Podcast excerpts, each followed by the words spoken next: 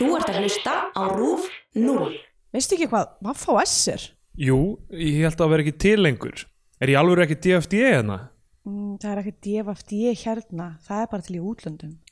Nei, það er eiginlega til í borginni líka sko Ha, Blu-ray líka hvað er það? Blu-ray, þetta er svona high definition Það er bara eins og þú sért inn í sjónvarpinu sko Sérstaklega ef þú ert að horfa í gegnum heimabíó Heimabíó? Já, það er svona Hæra megin ertu kannski með fuglasöng Vinstra megin er einhverja kvísla. Fyrir fram að því ertu bara með styrjöld Skriðdrega Þetta er eiginlega svakalegt sko. Í 2 dagsins tökum fyrir kvikmynd eftir Hannes Þór Halldórsson frá 2014, Lífsleikni Gils.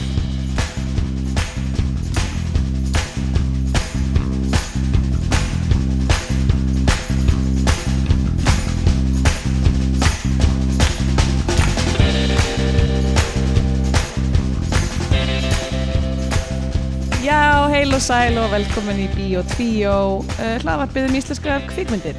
Ég heiti Andrea Björk og hér með mér er Stendur Guðar. Góðan daginn Hvað? Wow, svaka hress allt í hennu, þetta er eitt sopa af kaffi. Ég er gýraður sko Ég er til í Þú þetta ert mjög gýraður, ég er alls ekki Ég er gýraður. til í tuskið Ég er búin að vera, síðan ég vaknaði í morgun, að ég er búin að fyrir, sko, ef, ef að það væri hægt fyrir mig að fara raungum einn fram úr, Já. að því að sérst, rúmið mitt er í svona litlu skoti, svona sjúp, og svo við, sérst, ég, við byggðum rúmbotnin til þess að passa fullkomlega inn í skotið. Já, Þannig að það er bara hægt að fara fram, það er bara hægt að fara fram úr rúminu. já. Um, Uh, Ég held að þetta sé svona uh, orðtak sem uh, eiginlega virkar ekki eftir að við erum öll svona millennial sem búum bara í einhverjum svona íbúðum Sofum bara í einhverjum, einhverjum hengirúmum og eitthvað Já, nei, bara, þú veist, ég meina, hver er ekki með rúmið sitt upp, upp við vegg, sko Þú veist, þetta vera sem mjög að- ríkur til að vera með rúmið þitt í miðjunni einhvern veginn. Já, verðum rúmast í miðinni, maður þarf bæði að vera ríkur og maður þarf líka að vera aldrei hrættur við neitt. Ah, Ég, sko, mín, mitt mesta, hérna, það sem ég finnst mjög næs við að vera með rúmið mitt inn í svona skoti er að, þú veist, það getur enginn eitthvað svona laumast að rúmunu mínu til að drefa mig. emmitt Uh, en allavega, ef ég hefði, ef ég gæti farið röngum einn frá mér, þá, þá hefði ég gert það í morgun, af því ég er búin að vera með allt á hornum mér, sem ég vaknaði ég var hérna áðan að gera kaffi í eldisnöðinu og tók eitthvað, eitthvað haframjólk og hann eftir þar og Kristján Já. hafa bara, hvað er þetta að gera? Ég, horf, Við horfum með mitt á Babadook í gær. Ú, spooky Babadook. movie! Já, og hérna en sann svo flott. Hún er mjög flott, sko. Ég fíla hana mjög mikið. Og það, þú veist, það, þá er svona það er smá svona, hvað gæti verið eitthvað undir rúminu, mm. það er ekki jafn mikið ég held samt, en, þú veist, það er en þetta er eitthvað sem við Kristján hugsaum Já, um er alltaf ekki, er ekki babadúk í skápnum? Er þetta ekki eitthvað gay, hérna uh, ég las er eitthvað það gay icon? Já, babadúk væri eitthvað svona um að koma út úr skápnum hmm, ég passaði ekki alveg við minn lestur á myndinni Nei, ég held bara ég held að það var bara verið eitthvað grín sem ég las en, en ég, ég fílaði. Babadook mjög mikið Að en, babadúk væri gay icon, það er sér rétt ég, já, já, hann, ég, það, það er flott ég er bara, ég til í það. Ég til í þann lestur, ég þarf að horfa á hann aftur. En við Kristjana alltaf þegar við förum þú veist, þegar við gistum á nýjum stað í einhverju Airbnb eða mm. einhverju þannig þá, þá, þá er alltaf bara, þú veist, hvorum megin á ég að sofa þannig að skrýmsli taki mig fyrst? Ah, Af því að þú ert tilbúin til að láta skrimsli taka þig Já, fyrst. Kristjana er tilbúin til að fórna mér Mm, til, til að sleppa. Ok, þannig að þú veist, hvað er í rauninni nær uh, innganginum herb í herbyggið en sko stundum er kannski veist, stór gluggi eða svalir eða eitthvað þannig. Mm. Já, mitt, það sem þannig að að bara verið. hvor, hvorum er líklega að skrýmsli komi inn Já. og ég þarf að vera þar megin sko. Já, og þegar við tölum um skrýnsli þá erum við auðvitað að tala um uh, ósynilega hönd markaðsins. Já, nákvæmlega. Uh, Við eigum ekki bara að vinda okkur í myndina því að það er að nóg að taka? Jú, við þurfum ekki að tala um þessa bátaferð sem við fórum í eða, Nei, var eitthvað að segja um hana? nei, nei, voru lítið bara Við vorum, við vorum á bát, það var fallegt. Mm Mæli með því að sigla um án að spree. Já, og það er náttúrulega Jón er að fara að fá, Já, hann er að fara í próf. Einmitt. Hann er að fara í próf í siglingafræði og getur síðan verið að, að, að keira, að, að sigla um mm á einhverjum, einhverjum uh, sportbát. Hlagt til, það verður gaman. Það er spennandi. Já, ég horfði á hana bara í gær en ég fór að sofa. Já, um, ok, við erum semst að fara að tala um uh, lífsleikna gils ég er ennþá pínu bara, ég, þegar ég var búin að horfa þá þurfti, fór ég upp í rúm og ég var bara, Jón! Senda honum hérna svona hljóðskilabóð á símanum eitthvað svona, Jón, getur þú komið inn í svefnum ég þarf hjálp. Og, og bara eitthvað, fekk hann þess að knúsa mig. Það Æ. var alveg miður mín sko. Já, um, þessi mynd uh, átti upprónulega að vera sex þátta röð á stöð 2 Já, um, þau, þau höfðu áður gert mannasíði gils. Mhm, Hannes Þór Halldórsson sem er uh, líklega frægari fyrir að vera landslýsmarkurður mm. -hmm. var varið víti frá Messi. Já, núna. Já, núna er hann frægari fyrir það. Já. Það var margt gerst síðan 2012 Hann var, já, þú veist, hvenær byrjaði hann eiginlega að spila fyrir landsliði svona mikið? Kannski var það, þú veist, 2016 er náttúrulega hérna um, EM mm, og þá er, er íslenska lið slæri gegn. Já, 2018 er svo HM það sem að vera vítið.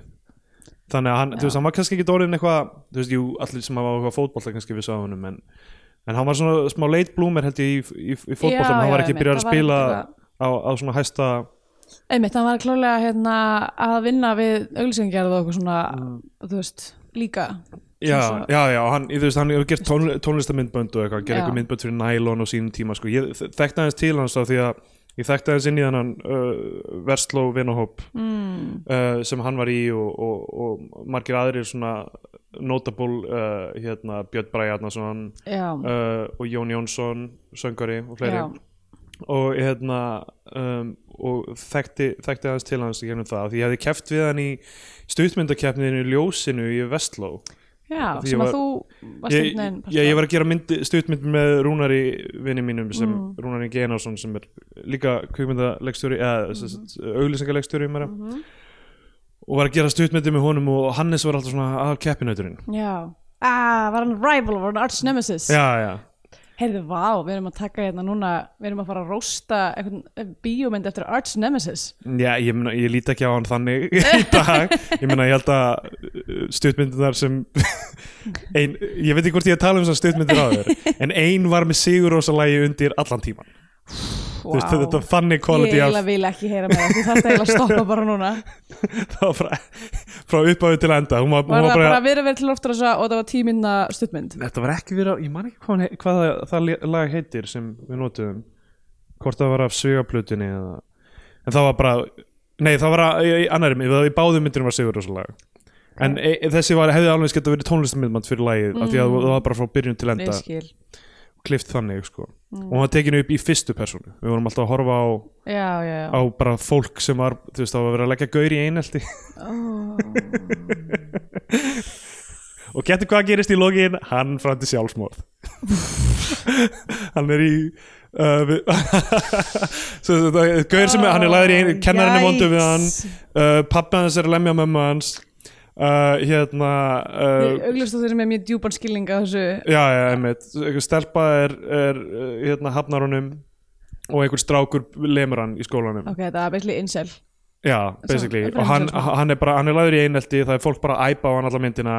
Svo uh, í lokin þá er hann í baðkeri, hann tekur pillur við sjáum það, og svo sekkur kameran onni í baðið við pakkuðum hann inn í, í plast bara, og þau var bara, þetta er ekki trickshot já. Það er uh, merkjum stórkostlega kvikmyndagerða mann þegar að hann leggur meira á, á, á, áherslur á trickshotið heldur en innihald myndarinnar hann er, um, ég held að myndin hafi heitið Þú? Spurningamarki, þú? Gæti þetta verið þú? Já, Oh boy, og þau unnuð nei við unnum ekki, Nei. við unnum fyrir bestu kvikmyndatöku held ég þetta Já, árið. að þið þið smikla við- áherslu á að setja- trickshotið, já, við unnum árið eftir þá unnum við uh, fyrir myndina Dimm Dögun. Já, Þorvaldur Davíð var í aðluturki ok. Og var líka, og var líka enda á sjálfsmorði uh, enda, hún, það var morði í henni sko, eða Ah. döðsfall sko.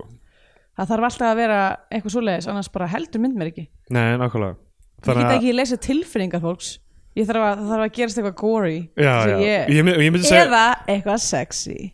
Já, og, og þú veist það, þetta var aðlega, já, þetta var mjög þunglindslegt allt saman. Þessi, þessi mynd, Dimm Dögun hún var jafnvel meira manipulativ en þessu fyrri. En hún vann? Hún vann, já. En var það kannski bara að skorta samkefni Var Hannes ekki með það Hannes var með sko. Mér minnir að myndin það ár hafi heitið vatn og sigur og fjallaði um uppskriftin á kók hvernig þú veist hvernig hérna þú veist fólk má ekki vera í sam þeir sem vita uppskriftir má ekki vera í sama rými Já, á sama það með tíma. aldrei verið í sumi flugvél og það var umfylgur nefnileg það er er allavega eitthvað smá hefna, Já, já, þetta- creative. þetta var svona action thriller þú veist á Íslandi og íslensku sem var svo skaurarnir voru íslenskir sem vissi eða eitthvað.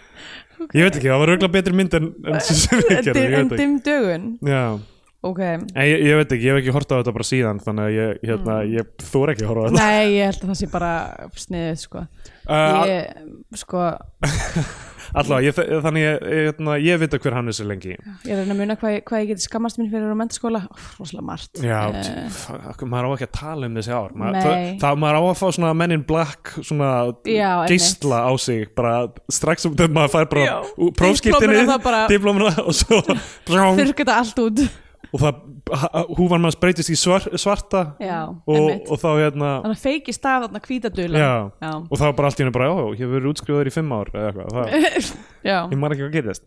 Alltaf, en handrit að þessu skrifa uh, Hannes og Egil Einarsson uh, einnig þetta sem uh, Gilsen Egger eða Gils eða Stóri G eða Þykki eða G-höfðingin og, og Kristoffer Dignus sem hefur skrifað þú veist áramöndaskaup eða leikst eitt áramöndaskaup ég las, ég var, kannski, ég var kannski bara komin í eitthvað róf þegar, hérna, listin var að rúlla yfir skjáin en ég las eitthvað, Christopher Dingus og ég var bara, ah, he's a Dingus. Alltaf he's því a Dingus alright. alltaf því ég sé þetta nafn þá vildi ég að það væri Dingus. Það væri miklu betra. En Dignus er svona, það er svo dignity það er svona virðulegra. Ok, og sko þessum, þetta var átt að vera ég myndi segja að dignity var earned þannig að, Þetta átti að vera þáttarið sem sagt á stöðu 2 en síðan uh, kom þessi ge- uh, gegn uh, Agli Einarsinni og stöðu 2 hætti við að byrta þættina. Svo kæra fór í, í ferli Mm. uh, eins og við þekkjum uh, fór hún ekki fyrir dóm. Munum vel og, og hérna um, við erum náttúrulega með Lögfræ- lögfræðingar á línunni. Kannski best að hafa það bara í, huga. Það er lögfræðingur að hlusta á okkur og senda okkur okkur skilabóð ef að, ef að skikkina við færum eitthvað yfir línuna hérna, en hérna svo uh, þegar uh, svo eru þið með allt þetta efni í höndunum. Þetta átti að vera sex þættir en taka ef, efnið og klipp þetta í bíómynd sem- sem, er samt bara fjórir þættir must saman. Í rauninni. Og, og pælingin var held ég upprunalega sínan á stöðu 2 það var tekið fyrir það. Og þessi mynd, þetta var allt saman tekið upp 2011 kæran eða desember 2011 eða eitthvað hannig, mm. átt að frumsýna 2012 en svo er þetta ekki sínt fyrir en 2014 í bíói. Já, og það komu hvað 13.000 manns eða 13 eitthvað meir, fleiri heldur en fóru á Paris Norrisins uh, þannig að það er bara mjög sorgleg moment fyrir Íslands samfélag. Já, sko Já, ég, ég, ég, svona, ég, er, ég er að reyna að fara inn í þetta með því einhvern veginn hugafari að uh, kannski vera ekki á dómharður einhvern veginn á þú veist, ég veit ekki áhorfandan á efnið hans eða eitthvað, ég, veist, ég er að reyna að hugsa um hvernig ég geti samt, ok, maður ég samt bara þá bara taka hinn pólun að vera bara ef þið finnst þetta fyndið þá er eitthvað að þér þá er þetta er bara ekki góð mannskja þetta er náttúrulega ekki fyndið, sko. Ég held að það sé alveg hægt að segja það. Þú segir það, ekkert fyndið við þetta. Sko, já, vindum okkur í þetta og, þú veist, ég, ég, já, ég bara einhvern þetta veginn bara, ég þú veist- sagði það fyrir nokkrum þáttum síðan bara eitthvað, þegar, þegar ég er inn í herbyggi og það er einhver hateful comedian að eitthvað, Já, já. segja eitthvað bullshit og allt herbyggi hlær, þá líður mér illi því herbyggi, það er bara, Algjörlega. ok, þið eru bara eitthvað bara, þið, að ykkur finnst þetta fyndið er hræðilegt. Það er rétt sko Ég meina þetta var ástæðan fyrir að Dave Chappelle hætti í gríni hann á sínum tíma er af því að þú veist, hann var með eitthvað svona uh, brandara, þú veist, um svart fólk og eitthvað svona, Mm. og svo var allt hvíta fólki að hlæja furðulega hátt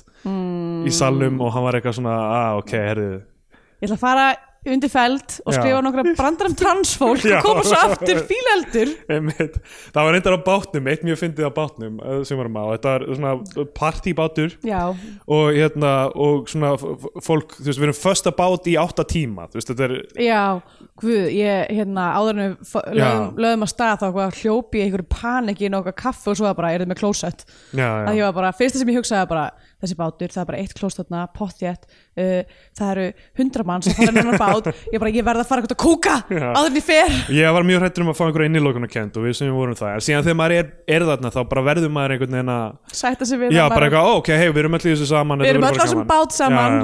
Við erum Og- á sama bátnum og allir mjög vinalegir og svona til að byrja með var eitthvað gaur að labba hringa einhver uh, Kalifornía gaur sem var eitthvað Ah. blessa eitthvað hæ eitthvað, og var eitthvað hvað gerir þú eitthvað og ég eitthvað já við, hérna, já, við töfum í gríni og eitthvað ó þú fíla grín herðu, þú, ég verða alltaf þér á Instagram og senda þér klippur af því að ég, það er eitt svo fyndið sem þetta, Dave Chappelle bara, hann er þessi gaur svo að name. ertu búin að tjekka þessu gaur að og ég eitthvað svona já já eitthvað svo, svo fyndi ég svo þú veist, hitta einhvern stjarnæðlisfræðing og verið eitthvað, heyrðu, hefur þið tjekkað á Neil deGrasse Tyson? Já, bara veistu hvað Brian Cox er Já, nákvæmlega um, How uh, can we reach those kids?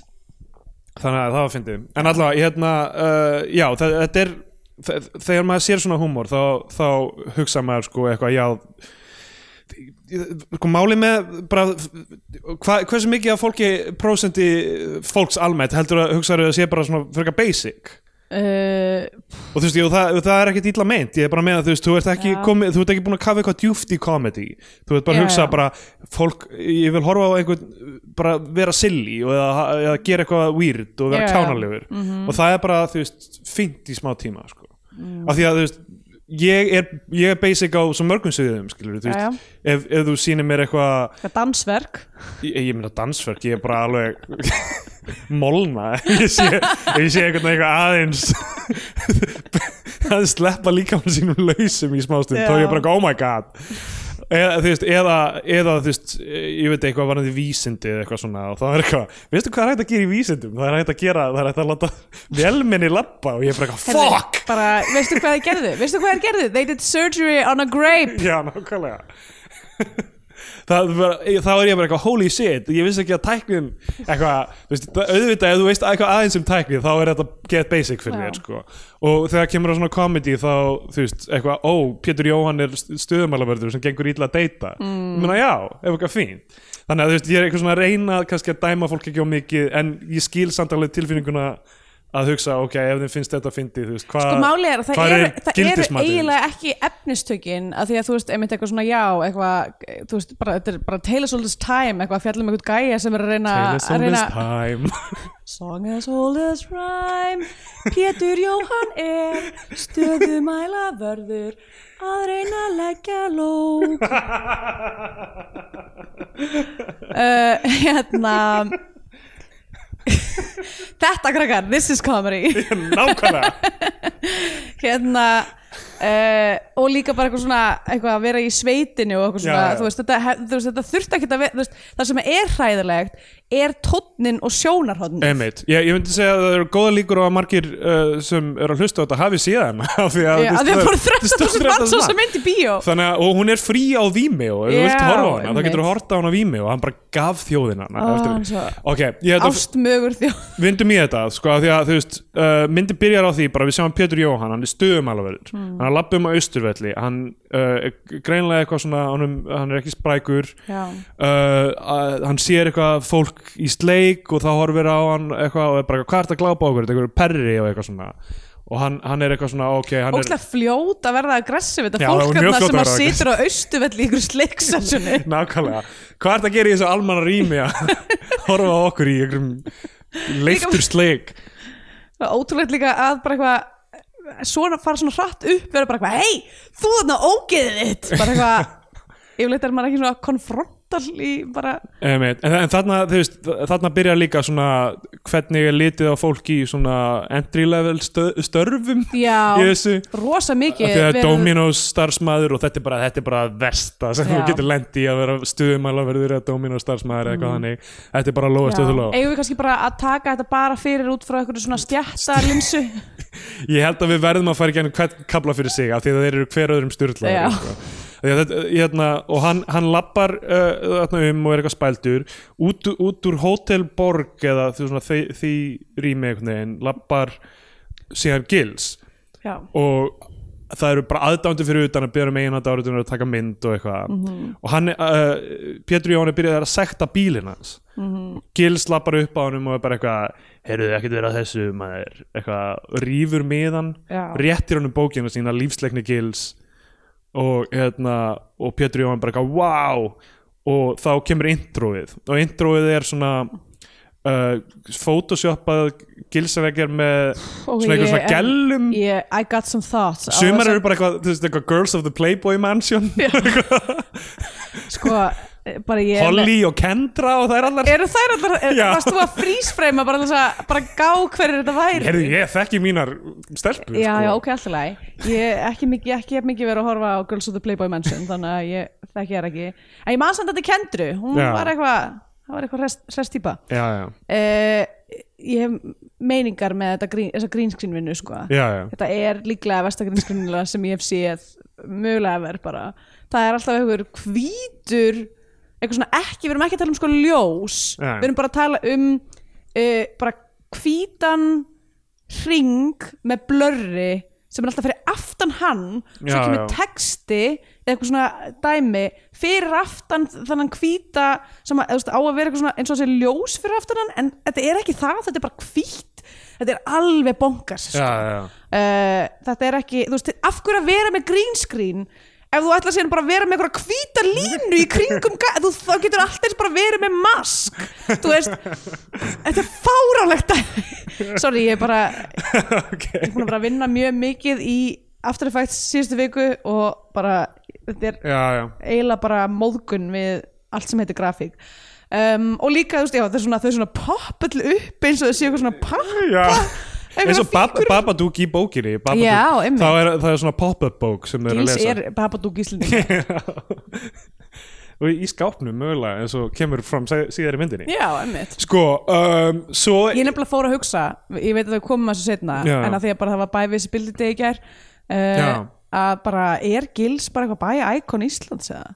já, ég, Vitum við ekki af því er hann búin að vera bara ég, við, sterkur í geysininni eða hvað? Nei, förum yfir þetta eftir ég Ok. er með skoðanir á þessu um, Sko svo kemur svona þú veist, þetta er svona konf, ekki, ekki confessional heldur svona presentational í rauninni uh, myndin er þannig, hann er alltaf að tala beint við skjáin ok, annars vegar er narration sem er Já. einhver gaur, ég, ég þekkti ekki röddina, veistu hvað er Nei, ég, ég þekkti ekki röddin líka en, en þetta á að vera eitthvað svona þetta er eitthvað svona eldri, þú veist er svona uh, narrator sem á að vera eitthvað svona, haha, það fyndið að hann sé að lesa þennan texta Já, ég bara glemt að fletta því upp sko. en hérna uh, hann, svo er Gilsangin hann bara, finnst að segja þetta alltaf bara Egil, er alltaf að horfa Já, við verðum náttúrulega, ég held að lögfræðingur sé að segja núna við þurfum að greina bara á milli uh, hérna, grín karaktersins Gilsinnegar og Eils leikar hans og, og enga þjálfar þetta er augljóslega ekki saman mannskjan Nei, einmitt.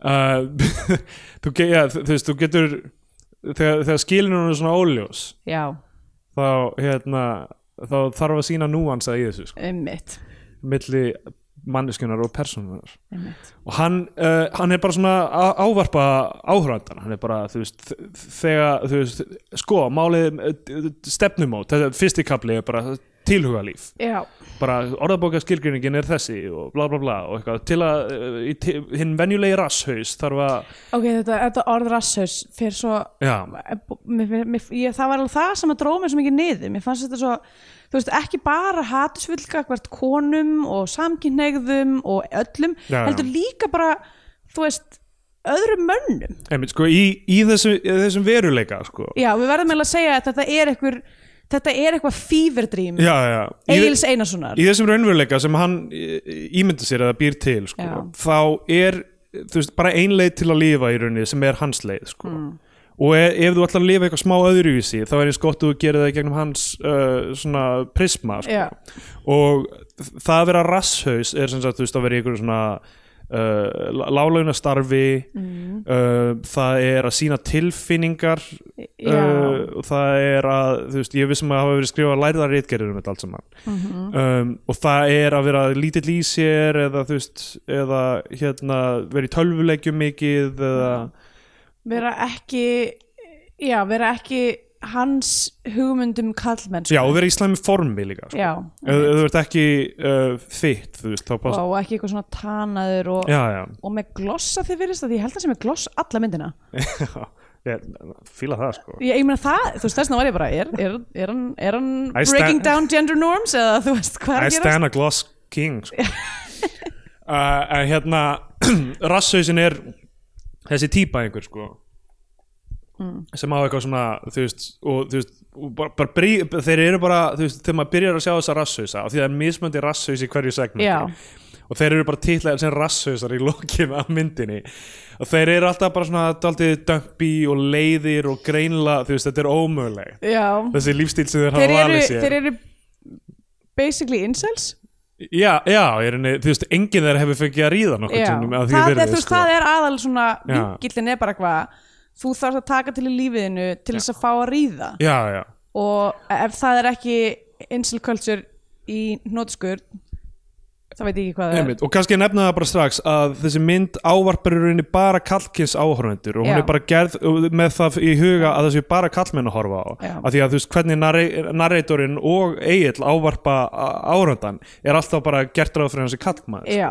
þannig að þú og veist konur í þessari mynd eru bara svona eitthvað svona undarleg tegund já, já, svona viðfangsefnið sem sem að enginn skilur Já. nema gils hann er svo eini sem skilur það sko. og uh, Pétur Jóhann fyrir á, á, á djammið og hann er í eitthvað svona er hermannajakka. hann, okay, hann er í sko uh, hann er í nasista já, er þetta ekki Jú, þetta er, þetta er hérna eitthvað svona þriðja ríkis knock-off jakki já, já, og hann er bara í djamminu í, í þessum nasista jakka emitt sem að ég veit ekki hvað það var að reyna að segja eða bara Nei, nei, þetta, er skri, hann kommentar aldrei á hann á jakka sko. nei. Þegar ég var viss um að þetta væri að fara að vera eitthvað moment af því hann er eitthvað svona fyrsta sem hann gerir er að fara inn á NASA held ég, Nei, þjóðleikuskellar þjóðlökskjallarinn og er eitthvað svona horfandi yfir, á okkur konu yfir krátið og ég var eitthvað svona viss um að að hún myndi vera bara eitthvað Þetta er nasist er þetta nasisti? Já, það, væri eitthvað svona level af, af uh, brandara þróun sem, sem er ekki hægt að ætlast til að þessari mynd Því allir brandararnir eru svona fyrsta draft Já. Það er bara hann starir á hana og svo starir hann aðeins svo lengi og hún verður creeped out mm. Veist, það er, uh, það er alltaf fyrsta hugmynd einhvern veginn af, af, af aðstæðunum sem er brandarinn sko. Svo uh, fer hann á barinn og þar er uh, Álfun Örnólfsdóttir Aron Pálmason handbóltamæður uh, mætir og þetta Já. er fyrsta af uh, cameóunum Það, það er rosa mikið af cameóum K- Kallkins vinir Egils Já. um, eru með cameo bara, þessi, bara svona röð af cameóum og sum af þeim eru síðan sérstaklega til þess að kynna einhverja vöru eða vörumerk Já, þetta er eiginlega bara auglýsing Já. Þetta er mjög, mjög mikið af auglýsingum inn í öllu þessu dæmi en Aron er semst eitthvað að reyna við hann og er eitthvað hei, veistu ekki hver ég er, ég spila fyrir Kíl í Þískalandi hún er eitthvað, uh, eitthvað. Og svo er Pétur eitthvað svona eitthvað að veifa til hennar eða eitthvað svona eitthvað að brosa til hennar á endanum barnum. Um, lappar, lappar til hennar og, og, og kemur eitthvað svona getur verið að pappiðin sé skeinipapír því þú ert svo mikið raskat. Og sko reynum að brjóta þann brandar aðeins niður sko. Já, og að, við reynum það, ok af því að sko foreldrar manns uh, eru þeir mikið að þú veist, er það, þú veist, þá meina kjassast í andleitinu uh, þegar þú fættist, pappiðin er skeinipapír af því að hann kom strax og kisti þig eða, eða þú veist, Já. knúsaði þig eða eitthvað, eins og skeinipapír myndi gera við raskat uh, af því að þú veist, venjulega er þú veist eitthvað, þú veist, er pappiðin eitthvað af því að þú er greinlega það sem myndi vera afkvæmi þess Já, hlutar? Já, einmitt. Eða, eða þú veist, afurð eitthvað svona smiður eða Kannski er sögnin í þessu atriði að hann skilur ekki brandara. Já, uh, það getur verið sko, hann, hann bara kunni ekki venjulegan brandarastruktúr. Já, Því ég skil, þú veist, elementin skeinipapir og raskat eru fyndin. Já en ef þú brýtur þetta svona lógist niður þá eiginlega fungir hann ekki Nei. sko. Þannig ég vissum að það hefur verið hægt En að láta grín hann þarf ekki alltaf að vera lógist Býttu nú við Nei, ég vissum að það hefur verið hægt að láta hann brandara virka þú veist uh, með eitthvað svona að- að taka annað, hérna, aðra umferð á hann svona eitthvað, Mm. ok, skeinipapir og raskat við hljótum að geta látið þetta virka einhvern Já, veginn. er, er pappiðin, þú veist En þú veist, mín tilfinning er að þú veist, þeir eru að skrifa þetta og það bara, að, já, herru, skrifa þetta niður bara, við, við skulum ekkert breyta þessu Mm. Og, og, og þú veist, og allir brandarætti finnst mér eiginlega að vera þannig að þeir eru svona bara, þú veist, Já, það hefur ef- ekki verið fengið það hefur ekki fengið, verið fengið einhver script doctor inn í þetta. Já, eða eitthvað svona punch-up herbergi, eitthvað svona nokkra grínista til eitthvað svona, um, ok, uh, svo er málið að hann þarf að fara með stelpuna yfir á sinn heimavöll sem Já. er næsti bar. Ok, ok, það sem þér líður vel svo þú getur reynt við og þú veist, eiginlega er útskýrað þetta allt saman fyrir manni, þú veist, yfir Hannes Þór Haldursson hann, þetta er náttúrulega bara líka mjög mikið svona eitthvað pick-up svona negga og hérna já, hann fyrir ekki alveg í negging þetta er ekki alveg en game dæmi. en þetta dæmi sann sko ég, mér, ég fannst það svo ógeðslega fyndið þegar ég las þetta einhvers staðar. Er þetta, þessi tækni eitthvað svona að fara milli rýma? Já, já, erum eitthvað að reyna, reyna ykkur að konu eitthvað svona, að því að ef hún fer á þrjá mismöndi staði þá líður henni þessi kvenheili, þessi skrýtna vera þessi undarlega tegund sem að gengur meðalvor bara ef hún fer þrygg, yfir þrjá þröskulda eins og segir í öllum þjóðsögunum að þá treystir hún þeirra því að hún heldur hún sé búin að vera með miklu lengur heldur en hún, ah, já. Það, það er eitthvað svona eitthvað sálfræði. Samila þið hafið verið á mörgum stöðum og að, að, það gerist aldrei neitt slæmt á neinum að Mm. já, já, nákvæmlega. En ég lifi lífið mínu eftir, eftir öðrum eh, hérna, öðrum reglum sem er never go to a second location with a hippie. Já, já. Um, sem ég 30 hef þó gert. já, Jesus, það, það hefur maður gert. Um, en hérna sko, Hannes Þór Haldursson leikstöru myndarinnar, lappar út af næsta bar með tvær stelpur undir armin já, og, og meðan Kills er að tala um sko að það sé, þú veist, fa- vera á heimavelli til að höstla og eitthvað svona. Sko, annað í þessari mynd er þessi svona rosa sjálfsupphavning á Agli og vinumans Já. nema þeir séu svona butt of the joke. Sem er, sem er sko sem að er, sem að leið með því að spyrja hvað, hversu hversu strapped for cash var fólk 2012 að láta þú veist, bara, ég, fyrsta sem ég skrifaði var bara, hversu niðurlegandi er þetta fyrir, þú veist, fólk er svo Pétur Jóhann og bara eitthvað sem eru, þú veist, bara fínir grínstar leikarar já, sem að viljandi ganga inn í þetta samkomulag. Ég, sko, ég hef alltaf átt svo erfitt með einmitt Pétur Jóhann og þú veist, og Autablu og einhverja, ég ætli steinda líka sko, að út af þessu association við þennan stöð Já. tvö svona kallremukúltúr Já. af því að þú veist, ég kann, kann alveg að meta sem, sem þeir hafa gert sko og hérna, sem er, ég, ætlur mjög fyndnir en bara tengi ekki, bara hugrenninga tengstinn alltaf Já. við þetta, er alltaf eitthvað svona eitthvað, ó, er ég ekki í örgum höndum Ég er alveg sammála sko, ég vil ekki að því ég er bara svona, fyrir, fyrir utan það líka bara mér finnst ógeðslega erfitt bara að samþykja og styðja við eitthvað svona old boys club, ég bara já. get ekki ég, ég vil þótt að sé, þú veist og mér er bara mér, er- mér er fyrst að sama með Ísland og bara alltaf því ég sé eitthvað svona eitthvað svona hóp af mönnum já, já, vera að peppa hvern annan og Einmitt. ég, það er engin kona neins það er nálagt þessu já. þá er ég bara, það er eitthvað að ykkur, ég vil ekki tengist ykkur, ég vil ekki sjá það sem er að gera einmitt, einmitt, já ég held að sé alveg að hafa rétt sko og hérna, og þessi sjálfsupphamning sko, sem, sem er aðalsmerkið þessar myndar Mm. er alveg uník finnst mér, af því að mér finnst ég að hafa aldrei séð uh, sjálfsupphamningu tekna á þetta level. Nei, þetta er, þetta er svona sociopatí Já, já, af því að þú veist, hann er að uh, bygg, uh, byggja þetta smá á svona, Lögfræðingurinn segir nú að við meðum ekki segja þetta en uh, já, já, við meðum ekki segja okay, hann sko, sé við erum að segja, sociopati ég sem, sem, er- sem karakterinn í myndinni. Við myndum aldrei segja Egil Einarsson sé svo sociopati aldrei, nei, nei Gilsen ekkert karakterinn í þessari mynd sérstaklega uh, sýnir nokkur einkinni Ok. sociopata ok, lög, lögfræðingun er að skrifa hann gerir svona thumbs up svona like.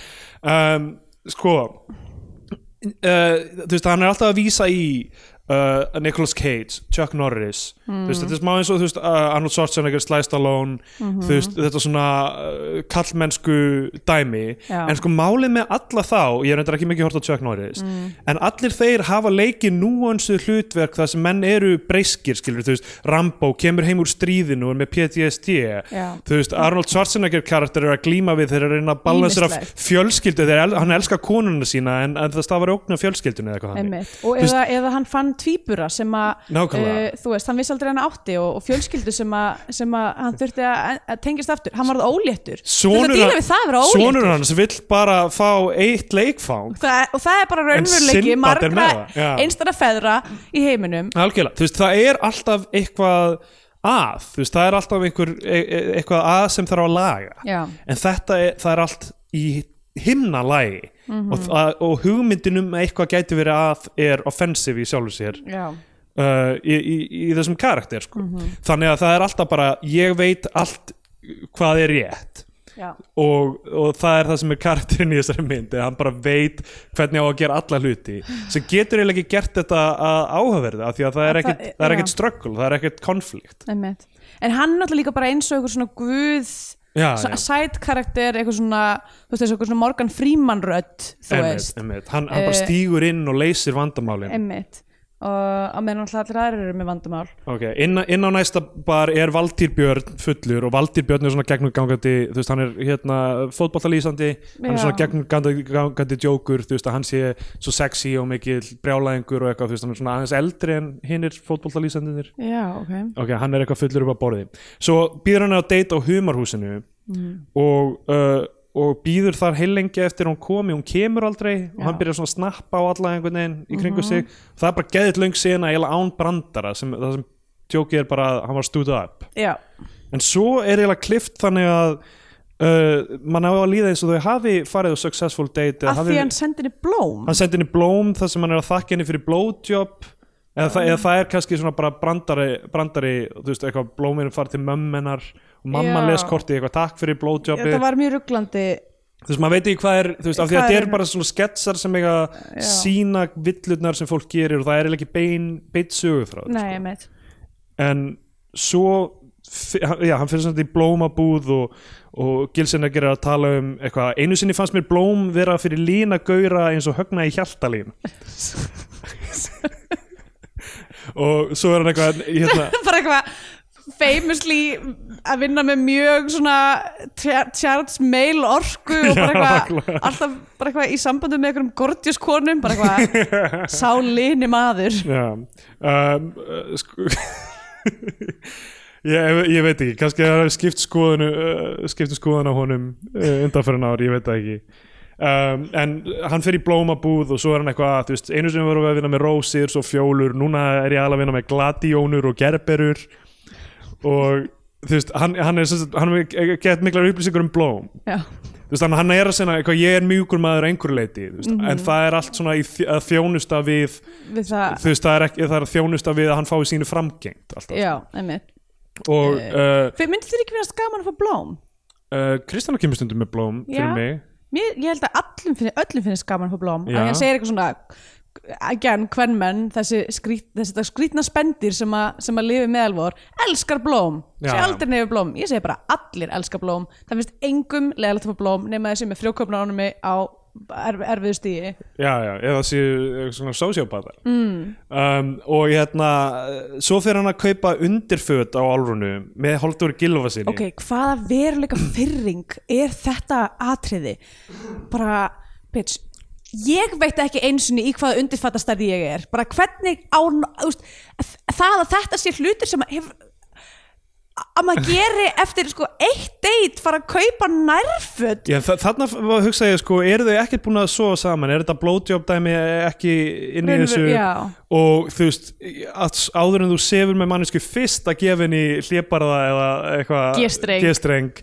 Er svo skrítið move sko. Og líka þú veist Álrún virðist vera bara svona eitthvað svona þú veist hún er ekki, hún er bara svona veist, það er engin karakter í henni basically nei, nei, sko. hún er bara eitthvað svona vessel. Já, hún er ekki eins og hún sé einhver svona stelpa sem, þú veist, eitthvað svona er að dressa sig upp í einhver svona hlébarða print eða eitthvað þannig. Nei, eða, þú veist, og, og eitthvað það fyrsta múfið er, hérna eru hann gefur henni svona venjulegar eitthvað og svo nærbuxur. Já, en sko, þeir, þeir fara í, í búðina Haldur Gilvason og hann þurfa fyrst að fara að drekka get mikið til að gýra sig upp í bara sko, undir, undirföt kvenmanna eru það svo skeri, bara will melt your brain. Svo skeri spooky búð undirfóta búð og, þau, og sko og allir brandararnir þar inni eru þeir mest basic? Þú veist þeir eru bara eitthvað svona máta og sjálfa sig undir fötin og er eitthvað svona segja óviðandi hluti við afgreyslu konuna eitthvað, það er ekkit þú veist, það er allir svona first draft brandarar þar. Svo gefur hann henni gjöf, eh, gjöfina hún verður geðið spennt og fyrir bara eitthvað herðu hérna, förum inn, inn, inn í Svefnarbergið hann ég geti sýndir og hann eitthvað ó. Og þá kemur uh, Gils og segir touchdown. Oh, sko, nú veit ég að við hérna slettum mjög mikið ennsku Það er rétt. og, fru, og frösum og svona. Það er eitthvað við það hvernig hann talar ensku Já. sem að er óbærlegt sko, ég, ég er á mörkunum samt með hvort það sé kannski fyndið, sko, ef það væri ekki þessu samhengi, af því hann segir eitthvað svona, hann, hann of be- berið eitthvað svona touchdown eitthvað, talar alltaf eins og hann sé eitthvað svona eitthvað You're Amerskur cowboy. Já, já, og þú veist, ég held að það væri fyndið í smá öðru samhengi, sko Já, sko, en máli er að þetta er ekki veist, ég fæ bara tilfinninguna bara hvað, hann talar ensku eins og hann sé fáviti. Já, já, það er þannig, sko, þarna. Já, veist, ekki að það sé eitthvað svona meðvitið ákvörðunum að eitthvað svona, nú ætlum við að gera band, risk and frame það, ég, ég sko les eiginlega alla brandran í þessu eins og þetta sé svona eitthvað svona innan búðar húmór hjá svona vinahofnum hans. Þeir eru eitthvað að horfa á manjuleikin að skella í sig einum ísköldum þú veist, vodka í sóta og vatn og, og, eru, og grilla einhverja kjúklingabringur og eru bara eitthvað "Wow, se- uh, sja- che- checka hérna veist, þetta penalty kick? Að það, þú ert bara einhver Liverpool faggot. Oh, oh my god, hvernig þið segja faggot? Faggot. Já ég er alveg svona sko af því að þú veist, ég er að segja faggot núna af því að hann segir það á eftir. Ég er ekki, ég er not. Herri, eins og er var ég faggot skrafleið við vinn minn já, uh, sem að er samkynniður já, og hann, nei, já, já, hann fekk hann reyndi að setja niður faggot og, það, bundle of sticks. Og, það, nei, og það var ekki samþygt en það, what? já, við, við vorum sérst að spila í gegnum svona hérna, app. Ah, já, og ok. það mátti ekki setja niður orðið faggot. Sem eitthvað svona, kannski eitthvað svona þú veist, slör eða og við eitthvað. vorum bara, þetta er þetta er erasure, það sem þetta er. Já, sko ég veit ekki hvort uh, LGBTQ plus samfélagi er búið að taka aftur orðið faggot En má maður ekki, ekki óna það bara eins og Jú, jú, algjörlega sko. Og það, þú veist, ég hef notað því samiki ég sé það notað því Já. ég hef ekki notað því, Einmitt. en hérna uh, og ég veit ekki hvort það er það sem Gilson er að reyna að gera í þessari mynd setna, en við komum að því. Uh, en það getur náttúrulega líka þýtt uh, og uppalega þýtti bungi af uh, spreki. Spre, sprekum uh, eins og í Simpsons eitthvað together we are but sticks but, uh, nei, nei, separately we are eitthvað, but but, sticks. sticks. but together we form a mighty faggot Mm. segir Martin Prince ok, í Simpsons um, ok, hann segir touchdown og svo sagt, Pétur Jóhann gengur á langt verður ástfanganafinni setur uh, hérna ring í súpu sem hún borðar Já. uh, henni svelgist hann segir eitthvað svona eftir að þau sofa saman það er eitthvað svona uh, stærsta hættan núna er það að þú hafi tilfinningar fyrir konunu sem varst að sofa hjá. Já, við skulum ekki, við skulum í ekki sko. gera það. Þegar hann er búin að einu sem leggja lók þá, veist, þá er, er hann ástfangin og Fjölnir Þorgers mætir og gerir heimlik uh, á henni. Sko, aftur þessi cameo-kultúr í þessu sko, mér fannst þetta eiginlega fyndi running gag að sama manneskjan var alltaf að mæta að bjarga. Já, hann er bara alltaf til staðar og bjargar. Já. en það þarf að vera fræg manneskja uh, sem er eitthvað svona í góðu bókinni hjá Gilsenegger sko. já en, það er ekki eitthvað karakter sem þið smíða eða eitthvað þannig. Nei, en er það ekki fjölnir þorgis út af því að hann bjargaði einhverjum hestum úr Reykjavíkutjörn sem dutti í tjötnina já, það getur vel verið sko. Se- eða sagt, það var eitthvað svona reyðhesta sýning og svo poppuð þessu hestar í gegnum tjörnina. Og hérna og það þetta hefur var, gert svona árið 2010 Þetta- já, og svo kemur þessi mynd út fjórum árum setna og maður er eitthvað, hæ? þetta var, Við horfum hana þetta fimm var, árum þetta eftir var það. björgunar afreik sko. Já. en það sem að var svo fyndið ok, fyndið og ekki fyndið við þetta náttúrulega pínu tragist en, en samt á sama tíma í, I can see the comedic element já, um, er það að þessari hestar pompa í gegnum tjörnina tjörnin er náttúrulega bara einn metr á dýft já, já. þannig að þeir eru aldrei að fara að drukna og standa bara í tjörninni nema hvað hestar eru heimskir á þennan hátt er að ef að þeir sjá sér ekki fært að komast upp á vatnin sjálfur þá, þá bara þá, bara, þá er þau bara, jæja, that's it for me. Ég bara, I had a good run. Alvörunni? ég bara, núna er ég að fara að deyja. Þannig að þeir eru bara í stasis, þeir eru bara stjarfir þeir ger ekki neitt, þannig að það þarf bara eitthvað svona að bjarga fara á bakveim bara. Eða, það, ég veit ekki nákvæmlega hvað hann gerði. Ég held að hafi komið eitthvað svona lifta á svæðið eitthvað svona, ég man ekki hvað var hana uh, fjölni Þorgis var kreðdaður fyrir að bjarga þessu stóði af hestum. Akkur voru hestar á tjötninni að því að bara greinilega hjælt fólk að það væri betri ís á tjöndunni heldur en var hann dag. Við vitum að hestur vegur tonn og kostar miljón Já, við Þannig komist að þessu mjög snemma í svona, þetta er örugglega í svona fyrstu fimm þáttunum fyrir að ræða það hvað einn hestur kostar. Um, En hann já, vegur tonn og kostar miljón Við komumst að þessu neðustu Ekki spyrja meira um Er þetta. þess vegna sem svona Nikur er öðruvísi hestur sem hleypur með manneskjana út í vatni og fer á kaf? Í, já, um hvað meinar um öðruvísi? Já, því að þú veist, hann vill fara út í vatni Já, og bara og, já, meina og kemur vatna- aftur upp úr því að Vatnahestar eru, eru spooky boys sko, að því að En það, það var meira sko að þetta var frosið og þeir voru í vög að Já. náttúrulega hestar Já, þeir geta fyrir bara svona lokaðir inn af ís. Já, og þeir hug, hugsaðu ekki að þeir getur brotið ísinn. Nei, nei, þeir voru bara eitthvað, já, þetta er uh, It's been an honor playing with you tonight. Þetta er svona, þú Eh. veist, bara svona Sims karakter sem þú bara eitthvað svona lokar af í bara hurðalösu herbeggi Já, já, nákvæmlega Ok, um, uh, alltaf, mér, mér fannst það alveg svona fyndi bit með fjölnið Þorgers en hefði verið skemmtilega ef það hefði verið þróaða karakter en ekki bara, ó, við eigum að vita hversi frægamannski er Já. og þetta hestamoment og hérna, hann bjargar henni þú veist, og, og hún kapnar ekki á hringnum. Svo uh, er eitthvað svona, ekki heldur gera þetta svona.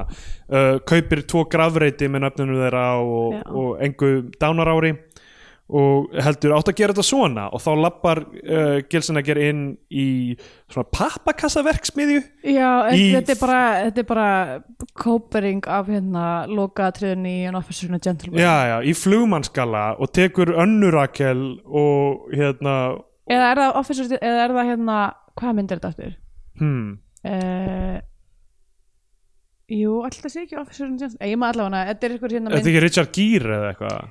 Jú, jú sem að er sem að er hræðil, er sena sem að eldist ekki vel já, að því já. byrli bara einhver maður að mæta í vinnuna til konunar og bara taka hana upp með valdi og bera hana út af vinnustanum hennar og Já, allir já. er bara Wú, það er verið að nema þessa konu að brott Hmm, ég veit ekki úr hverju þetta er þetta er úr hérna okay. ég, ég er að googla þetta, við komumst að þessu Já. í rauntíma þú veist, eh, lögmaðurinn er að reyna að senda okkur eitthvað hérna, mm. þú veist, kannski veit hann þetta en, en hann veit ekki hvaða myndir held ég sko þetta er hérna hmm, ég eh, hérna Few Good Men eða eitthvað svo leiðis Nei, nei, nei, nei, hún er ekki um þetta Nei, Er það, er, býtu, er þetta Tom Cruise í Few Good Men? nei, ég held að það sé Richard Gere Þetta er, ok, og kannski, Demi Moore? ég held þetta sé Officer and Gentleman, ég er ekki alveg viss allavega Ok, allavega, Eh, who cares? uh, Hérna, um, hann, já, ber hann úr og, út, út og allir klappa og eitthvað svona. Já, Og þetta er sko, þú veist, það er mikið af svona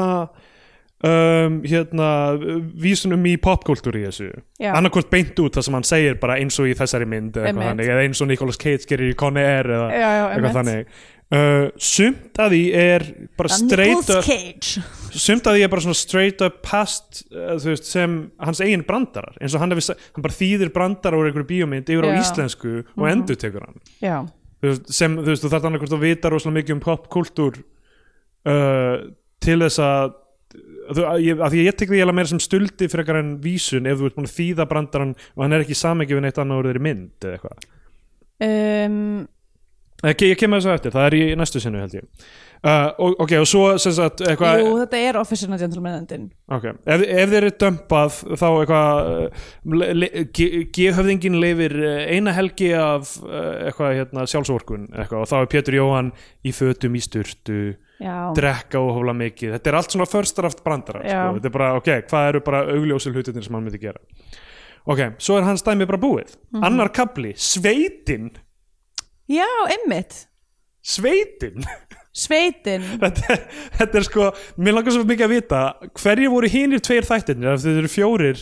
Já, að þeir ákveða að halda sveitin inni í staðan fyrir að láta þetta vera svona þú veist, Mhm. þetta verður náttúrulega þetta verður alltaf bara svona verra og verra Já, já. að, að, að, efnistökin verður alltaf svona fáranlegri og fáranlegri Já, bara þú veist ok, sveitin Andri útvarsmaður uh, Andri Freyr Viðarsson Freys á Já. X-inu steitna And, Andri Andri- Freyr á, Andri á á RÚV. Flandri. Andri á Flandri um, hann er rasshaus já, hann spila tölvuleiki, Pálmi Gesson er pappa þess að hann kemur inn, herðu, þú ert að fara í sveit, hann tekur tölvunum svo sambandi, þú ert að fara í sveit bróði minn, eitthvað útskýr eitthvað gett gott svona exposition Já, dump. eitthvað, Eitthvað minn bróði minn sem er frændið þín, hann er þarf hjálpa því að hann er búin að fóbrotna búin að fótbrotna eitthvað sem, maður sér það aldrei. Jú, hann er alltaf Er- er hann hann alltaf alltaf gifsi? hækju okay. Já, Já, hann er búin að fótbrotna, það þarf hjálp og þú ert að fara í sveit og þú ert að læra að vera maður og eitthvað og þú verður að hætta að spila tölvuleiki og nú er að fara í sveit og gera mann úr þér og eitthvað og hann hann fer í sveit til uh, Þrastarlegó sko, í hvert skipti sem ég sé fólk sem ég ber virðingu fyrir í þessari mynd, þá ég var alveg bara svona No, don't cancel yourself, you're so sexy aha. Helga Braga og Þrastarlegó eru fólkið að núti sveit. Og hvað hva, og, þú veist, ok, það er mér- finnst þau, þau tala óskilinlega tungumál. Þetta er samt alveg brandari sem hefur verið gerður svo oft sko. Já, svona eh, redneck sem er með bara ekki, ekki skiljanlegur, það þarf textan basically eða eitthvað hannig Mér fannst þetta kannski skásti kablinn af öllum. Já, eða ég, ég... aldrei að fara að segja hans eitthvað en bara já, ég veit ekki, það eru svo margir hlutir í honum sem ég gat ekki þannig, Nei, veist, uh, en, og, og, ok. En mér fannst, þau, mér fannst þetta sett þarna þau hjónin og bóndabærin og svona ég, ég, sko ég hérna náttúrulega uh, fór sveit líka var lítil.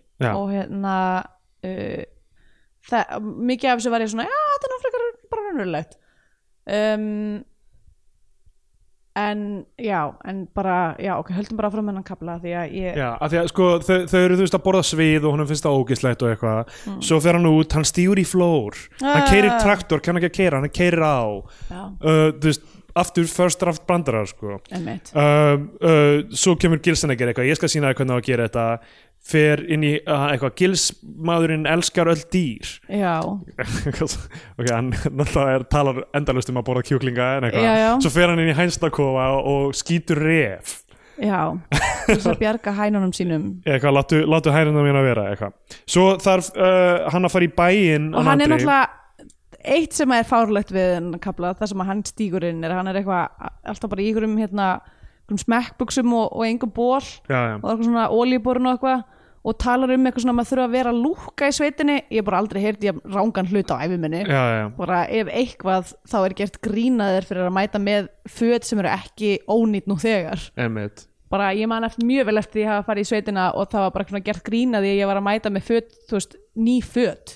Já, já, bara þetta er að fara að eðilegast elska mín, þetta er að fara að eðilegast strax já, já, það passar ekki við hans linsu og, og veruleikar sko. Nei. En svo fer Andri Hans, lins, þessar, þessar senur Já, nú veit ég ekki, við erum að sjá hvað lögfræðingum segir um þetta þessar senur uh, þessar, þessar fantasíu ég senur sé hann er typing lögfræðingur.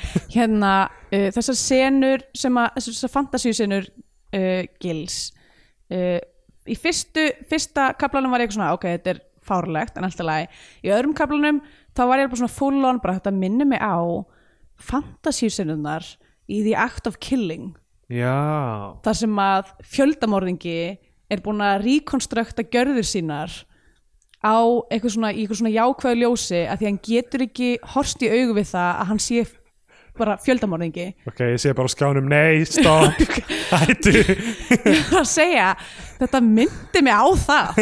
Þetta myndi, að því hann var einmitt eitthvað svona alltaf að vísa í banderska kvikmyndir hann var alltaf, Já, já, eh, þeir fyrir þá sem hafa ekki séð í Act of Killing þá er það frábær uh, kvik, uh, heimilda, heimildamynd um, um indonesiskan Já. fjöldamorðingja um, sem fyrir sem var í svona kill squad fyrir hérna uh, sem sagt herstjórnina þar. Já, ekki svo hartu eða eitthvað og hérna, og þetta er rosa góð mynd en bara, ég gæti bara horta á hana eins og ég horfði direktorskvættið og ég var bara Já, já, stjörf er eftir erfið, sko. mjög erfið, en allavega leikstörinn í, í þeirri mynd fær sagt uh, fær þennan mann til þess að reenakta senur Hmm. úr vinnu sinni þar sem hann var bara að myrða eitthvað saglust vinstri fólk Já. uh, eitthvað kennara og eitthvað og hann gerir alltaf einhverjum svona, ká, svona cowboy stíl eða, eða, eða hérna, eitthvað svona gangstera mafjósa mynd eða eitthvað svona, eða bara eitthvað svona taka klassískar, eitthvað svona bandarisk Hollywood minni og leika þetta út og ég var bara þetta er eerie. Já, um, að því, veist, basically að þetta er sama linsa þú veist, eitthvað svona já, já. þú ert að taka bara eitthvað hræðilega toxic hægðun Já. og mála hana upp sem eitthvað hetjudáð já, Uh, vissir að það voru þrý leikstjórar á þeirri mynd? Það er Joshua Oppenheimer og svo að kona sem er aldrei talað um Æ. og svo ónafngreindur indonesisku leikstjóri sem vildi ekki held ég bara vera, koma fram undir nafni út af út á samenginu sko. um, uh, ég ætti kannski að fletta upp nafni konunar en uh, Já. kannski stendur lögfræðingur mér það. Uh, ok, en hérna svo er, fer Andri í bæinn hann þarf að fara í bæinn út af einhverju. Þar rekst hann á Gunnar Jónsson sem er svona redneck. Mm. það gerist eiginlega ekkert í því dæmi. Hann er bara svona smá interaktar við hann. Já eiginlega- jú, hann er bara, hva, hann er bara búljan er nei, bara nei, Gunnar Jónsson er ekki beint að búli Já, nei, eina sem þeir eru bara að segja er bara eitthvað, það ber engin verðingu fyrir þér í, í, bæ, í hérna, í krummaskurði já, já. Og hérna um, uh, ok, um, hann hérna byrju, já, Christine Sin mm. and an anonymous Indonesian. Já, um, og hérna hann bara eitthvað svona rétt interaktar við hann. Svo koma einhverju svona, einhver hópur á Rednecks. Máni á X-inu er einn af þeim. Uh, og, uh, og einhver svona aðalgaur sem er eitthvað svona stelur iPadinum hans, hann fór eitthvað reyna til að reyna að finna iPad hlæðslutæki sko, hann fór í sveit án þess að taka með þessi hlæðslutæki fyrir iPadin já.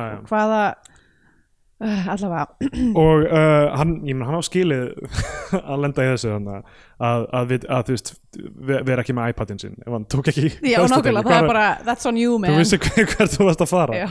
og líka sveitin kannski ég held að sé alveg hægt að nálgast eitthvað svona dót eða þú veist. Já, allavega, who cares? Um, við reynum ekki að tengja þetta við raunveruleikana því að þetta er einhver svona uh, yfirraunveruleiki.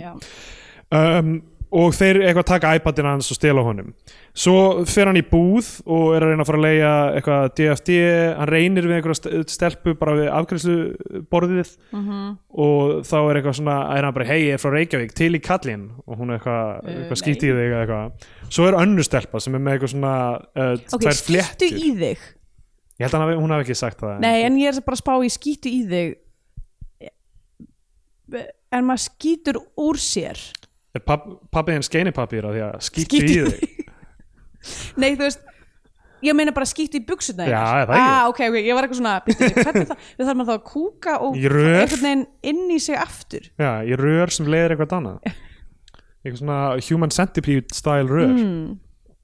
um, og hann útskýrir fyrir, það er önnur stelpa sem er með svona fléttur svona og svona mjaltastúlka. Mm. og hérna, hann útskýrir fyrir henni hvað Blu-ray er og heimabí og, Og hún er bara, svona. Vá, það, það er bara til í útlöndum. Spennandi sko. Mjög, hérna niðrandi sjónarhórn á, á sveitina. Já, og uh, svo mæt, mætir hann á sem sagt uh, eitthvað svona bar það sem hann ætlar að fara að hitta stelpuna þar, hann heiti Þorpbarinn þar mæta auðvitað þessi durtar og ætla að lemja hann, segja við stelpuna eitthvað ég afmega þig, segir ein þeirra. Um, og uh, þeir ráðast á stelpuna og þá mætir náttúrulega Gilsenegger fyndi með það að því að hann kemur inn hann fer ekki til aðalgörsins. Nei, hann hann fer til að- Mána. Og hann átar Mána sem samkynheðan Já, hann er eitthvað, þú ert auglustlega hommið, þú hefur áhuga á þe- hvort hefur meira áhuga á þessum gaur eða hinum gaur í klíkunniðinni auglustlega ertu svona undirgefin af því að þú ert bara hommi. Og hérna og uh, svo tekur hann og fleir honum út, út á barnum og allir klappa og eitthvað frábært. Um, svo kemur Ingo Veðurguð. Já. Bara, þetta er bara algjör fucking Parísahjól Það er af snillingum Parísarhjól. Bara þegar þú heldur. Já. Eitthvað, ó, guð, þengt gott að þessi partis er búinn Nei, það kemur Ingo Veðuguð upp í næsta vagni og hann keirir bara, þú veist, hann er bara svona road stranger. Ég var líkt og í rauninni eiginlega eins og hann er rótstrindir, það er rétt. Uh, en eiginlega eins og þegar ég var að, var að klára Act of Killing að undir síðast, undir lók þessari myndar þá var ég bara með svona thousand yard stare. Já, já og við erum komið mjög stutt með sögutráðin og mjög langt inn í það Já, ég, það var, ég held að það hafi alltaf verið fyrir sig að þetta myndi vera langur Já, af því að myndin er löng, hún er Já. alveg, þú veist, 100 og eitthvað mínútur.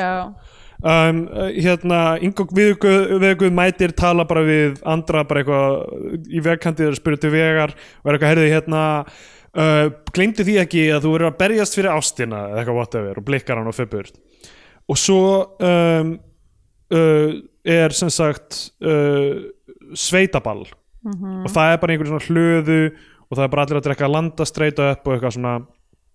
Og uh, hérna og það er sko greinlega að fara að verða eitthvað svona showdown milli durtana og andra. Já, þá kemur Gils og kennir manni hvernig maður á að slást í sveitinni og það, þá er svona mjög skrítið svona green screen dæmi það sem hann er eitthvað svona tala við einhverja stelpu eitthvað, hei, hvað segir þú eitthvað Já. og hún er bara svona, það er bara klift bara á, á hana, þú veist, þetta er bara annað green screen á henni Já. og svo kemur Hjalti Úrsus og er eitthvað sem er hver eftir? uh, kraftlýtingamæður og hann er eitthvað, heyrðu, ég, þetta er mín stelpa, láta hann að vera og þá fara þeir í svona fisticuffs eða Já, eitthvað svona einmitt. en ekki eins og fyndi að því fyrstu cups er, er mjög auðvitað til þess að gera skemmtilegt physical comedy. Sem er, þú veist, okay, hver er munin á venjulegum slagsmálum og fisticuffs er það ekki það að þú heldur hnefanum með, með, með hérna handabakinu að hinnum sko, og þau verður svona upp og en- niður eins og þú sért Það að er eiginlega bara það að vera með nefana krefta og eitthvað svona upp og niður eins og sért svona old time boxer. Já, doing the monkey eða en eitthvað svona mitt, þannig. upp, mitt uppáhalds fistuköps er ymmit þegar maður snýr nefanum út. Að það er, hefur ekki séð ég hef ekki séð þetta en þetta er, miklu finnara veist, já þá, þá ættir eiginlega að vera með hérna- flatanlófa ef þú ert að slá svona Nei, ég sá þetta, þetta var fyrst hérna ég sá þetta fyrst í uh, Oh Brother Where Art Thou? Já, já, þar er príma fistuköps þar sem að George Clooney er einmitt uh, rótaður uh, unceremoniously með svona, svona reverse fistuköps já. Coen bræður kunna þetta. Já. Um, en sko og, og svo fara hann, hann og Hjalti úr í slag lenda báður í jörðinni og þá verða, þeir bestu vinir og eitthvað þannig. Sveitaslagsmálur er þannig að þú bara sýnir bara einhverja toxic ofbeldishegðun og svo, verður verður vinir saminast í þessu toxicity Já, og heldur á það Um, og, það, og svo fyrir hann í sleik hann fór í sleik við þessa stelpu þetta er í annað sinn í myndin sem uh, Gilsen ekki fyrir í sleik við einhverja stelpu. Hann fyrir líka í sleik við önnur Rakel fyrir myndinni. Já. Þetta er bara eitthvað svona röð af stelpum sem hann er að fara í sleik við til að sína hvernig þetta er gert. Mhm. Svo um, þegar durtarnir Er í mæta lagi bótið sem í pínu bara þess að varir Lögfræðingurinn er typing ok. furiously en Mm, Nei, bara ég, þú veist ekki, ekki juicy varir bara, Já, Gilsen ekki og, og og all, allar þessu glossir ekki að hjálpa sko. Sko, Þetta er eins og puckered asshole sko. hann býður náttúrulega upp á við tölum um útlitið hans Já, og veist, mér, mér, hann er vel vaksinn mér finnst hann flottur já, ok En það er bara svo skrítið að því að er, er hann bara með eitthvað svona babyface Hann er eins og bara Já, hérna, já. ba detective babylegs eða eitthvað líka Ég held að það hjálpi smá með hans karakter þegar hann, þú veist, gefur aðeins af sér eitthvað svona bros eða glott eða eitthvað svona að mikja það upp sko. Því ég er með, ég er með sterkar sko, skoðunum svona, ég ætla að býða með það til í lokin um, Ok. um hvað, þú veist, hvað Gilsenegger hefði geta orðið fyrir íslensku þjóðina ef hann hefði haft einhverja rænu til að vera það sko. Já, já, ok en, en hérna en þú veist, hann, hann er náttúrulega eh, með fjárþjálfun og eh, kannski hann komin í eitthvað annað Ég núna en veit það var ekki það fræga þú veist, hann var svona þjálfari sko. Já, já,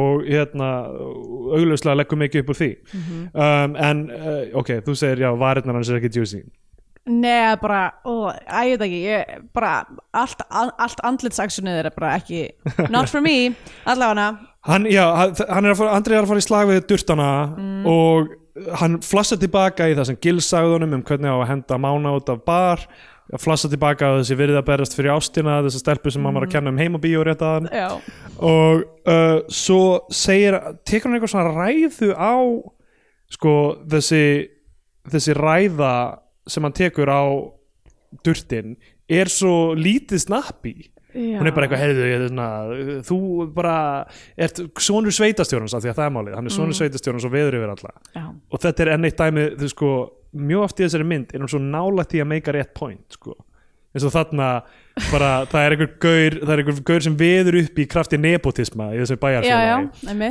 Og bara eitthvað, já, þetta er vandamál í samfélaginu. Hvað að gera, er það þarf að lemja hann. Ah, ah, grændir vandamálið en lausnin var ekki rétt. So close, og, og hann er eitthvað svona, þú bara heldur að þú sétt flottur gaur hérna, svonur sveitastjórans ég skal segja þér, þú ert, þú ert ekki svo flottur eftir allt saman, því að ég þetta er bara eitthvað, rambling on svona. Og eitthvað svona uh, lemur hann með iPad Mm. og fer svo í sleik við stelpuna. Herðu, já, eitt sem ég glemt að segja. Þegar hann flegir hérna mána út, Gilsenegger Já, þá segir hann við hann uh, ef uh, hundurinn minn væri með andlit eins og þitt þá myndi ég raka á honum raskatið og kenna honum að ken, labba aftur á bak. Og ég hu- hugsaði þetta er mjög uh, vel struktúrað djók sko. og ég bara eitthvað, af hverju er þetta svona gott. Mhm. googlaði þetta, þetta er úr mass þetta er bara brandur um mass sem maður þýtti á íslensku. Já, og þú veist, if, if, if my dog had your face I'd shave his ass and teach him to walk backwards. Ok. Þetta er, þú veist, 40 ára gammal já. eða 30 eða eitthvað. Ok, þannig að þú veist þú, þú svona, getur ekki bara þýtt brandar úr erlendri kvikmynd eða þáttum og Sko, fluttan eins og, og án samhengis við þá mynd eða svona ma- stærra meina, past, svona, að því virðist þá getur maður það og það var gert. Já, þú veist, þú verður að tengja einhverju stærra svona pastís einhverju svona tengingu við þann hver var hérna dagskrárgerastjóri 2012 hjá stöð 2 já, ég veit ekki, eitthvað Jónásker ég bara þú veist, mér langar bara að vita hver grínlæta þetta. Já, herrðu, ég eitt ég vart nótur eftir, sýst í síman undo, það virkaði. Komið hinga fyrir öll iOS tippin. Já, ok, hann lemur hann með iPad, fer í sleik við stelpuna svo eru þau öll á bóndabænum að horfa heimabjóðu sem er búið að setja upp og þau eru að horfa á introvið að lífsleikni gils. Já, og eru að falla í stafi. Já, það er eins og þau hafa aldrei séð sjómarpaður Kabli þrjú, ok, sko, núna þarna fer þetta í gang ég get ekki, það er bara, lögfræðingur er bara búin að skrifa varúð. Varúð. Ég veit það. Þessi ég, ég kabli veit það, ég veit það eins og móðin hefur gerðan sagt og það er algjör skellibjalla.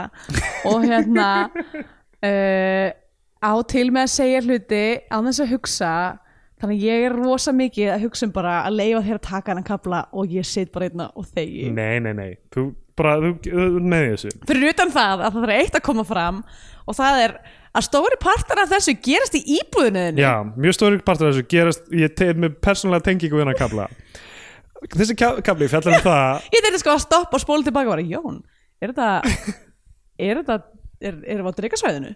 Þessi kapli fjallar um það að vera samkynniður Notabenni er samkynniður kallmaður, ekki samkynniður kona. Nei, Þær er ekki til. Þær eru eins og áður hefur komið fram uh, ekki mennskar heldur Já. ykkur önnur tegund.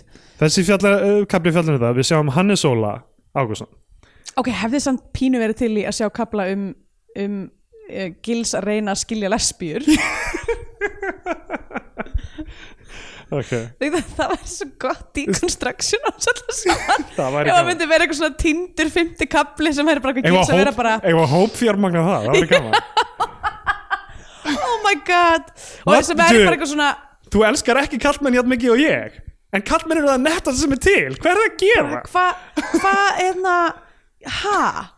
Ok, þessi kapli er mjög skemmtilega revealing finnst mér fyrir einmitt hann og hans personu. Mm. af því að þú veist, hann sér ekkit annað þú veist, meiri þess að í samkynneig þá, þú veist, Mhm. kallmanna þá fyr- fyrir utan það, þú veist, að hann, seg, hann segir eitthvað, ég er persónulega ekkit á móti homum og svo gerir hann bara ógeðslega mikið af svona aftur first draft level homabrandurum sem snúast um hversu, þú veist, effeminate þeir eru og, og hversu veikir það er, það er svona þrjár mínútur sem er bara svona upptelning á bara svona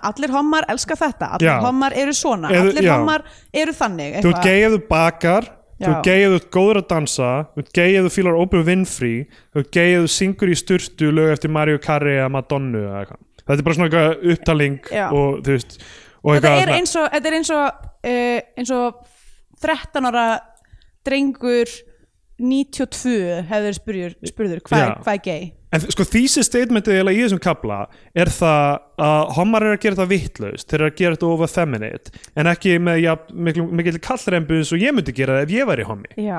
engin málefni eru gils óviðkomandi uh, virðist vera. Ok, fyrir mig hann að kabla Hannes Óli er sundlugavörður og hann sér Gilsen Ok, ekki að sko, lappa inn. Hannes Óli, hvað ert að gera? Ég skil ekki fólki sem er í þessum kabbala Hannes Óli, hvers faðir er transkona? Já, já Tekur bara þátt í þessu öllu saman Hann tiltölu hann nýjútskrifaði leik, leikari þarna, ég veit ekki ég, ok, það, ég veit ekki hvort það afsaka Þetta er, nei, ég, þetta er bara alveg bara, Þetta er bara eitt af sorglasta sem ég séð sko. Já, já, hann uh, verður gay af því að sjá Egil Einarsson lappa í sund, sundlug hann lappar á sundlug á bankanum hann fær bónir Spring fullorðin maður, allt í hennu bara eitthvað Ó hann nei, fær bónir og er bara eitthvað, ó nei! Ég er í bónir kall ó nei, gay panic. Ég var fór í bónir yfir kallmanni mér fannst kallmaður sexy og hérna, þetta er bara eitthvað mesta disaster. Hann er í, í, á kaffistofunni. Hann sér annars vegar annan sundlugafur, borða banana og er bara eitthvað, oh boy. Oh. oh nei, hann er að borða banana. Ok, ég get bara sagt ykkur það að, að ég var að vinna með það mjög mikið í sumar að borða banana í lestinu og fekk engin bóner svo ég veit ég, ég er búin að vera ég er búin að vera fieldtesting þessa teóriu og þetta gengur ekki upp. Þú varst að nota munnhörpaða fyrir ná, er það ekki? Jú, þannig borða ég banana langsum. Uh, hérna.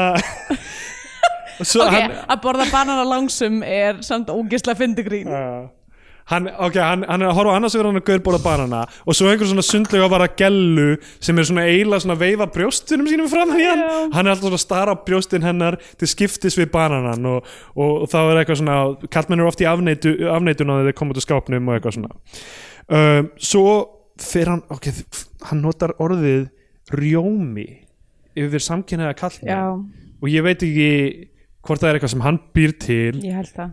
en það, mér finnst þetta svo erfitt. Þetta er, ég meina þú veist, þetta er bara ógislega mikið af hátusorðuðu í, þessum þáttum. Ég, kannski er þetta eitthvað sem er til í ég hef aldrei heyrt þetta frá kannski er þetta til í gay-samfélaginu ég, var, ég held að alveg sko gamalt frá bara svona þegar hann var með eitthvað blogg og var bara Já, já. rasandi út. Það sem hann var að tala um hérna að og, þú og þá var, þá var að dæmið var, natúgar konur þyrftu einn beinstífan í bílskurinn sinn. Já, emmitt og, af því að það eru svo miklu feministar og eitthvað og, og þú veist, og einmitt að segja eitthvað svona ekki vera, þú veist ef þú ert að gera, ef þú ert eitthvað labbandi með latti og trefil þá getur alltaf verið rjómi Já, svona, það verður gaman ef uh, eftir þess að þáttur kemur út að hann myndi segja ég þyrfti eitt beinstífan í bílskurinn minn já, já, er, getur það verið það? Já, ég meina, herðu, uh, the male G-spot is real. Þannig að bara Ég bara, ef að það ekki sko. Uh, hérna, um, en allavega þá hérna, hann uh, er alltaf að nota þetta orður rjómi og það er mjög erfitt. Mhm. -hmm. hann hittir Felix Bergsson út í búð. Uh, Sko, hvað var, þar- var, var, var sam, samkynniða samfélagið að hugsa að taka þátt í þessu?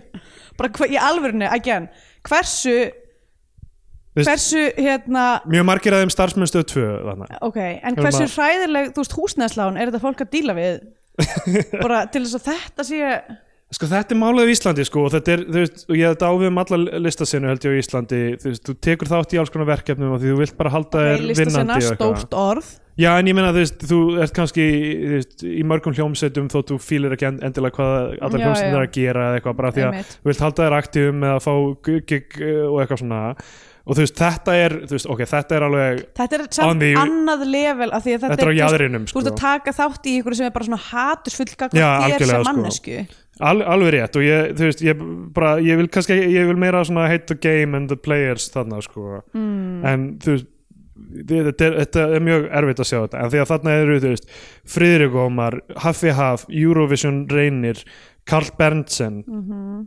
um, og hérna þeir eru og uh, sko í öllum þessum senum sem er á Barburu sem hétta ekki Barbara þá heitir núna Kiki eða kannski það búið að breyta um nafna aftur. Já, um, jú. en hérna uh, frá því að við fluttum. Uh, alltaf, alltaf einn geibar alltaf pláss fyrir einn geibar já, á. Íslandi hverju sinni. Uh, en uh, sem eru yfirleitt skemmtilegustu barni til að fara á Nei, heyrðu, það var á tímabili var hérna uh, hvað hétt það aftur? Hérna, Kúbar á tímabili. Kúpar og hérna kaffi uh, kaffi kósi? Nei, það hétt ekki það. Hmm, ég kannast við það samt. Sem að var á hérna Östustræti það, það sem að kepa húsi eða eitthvað þar?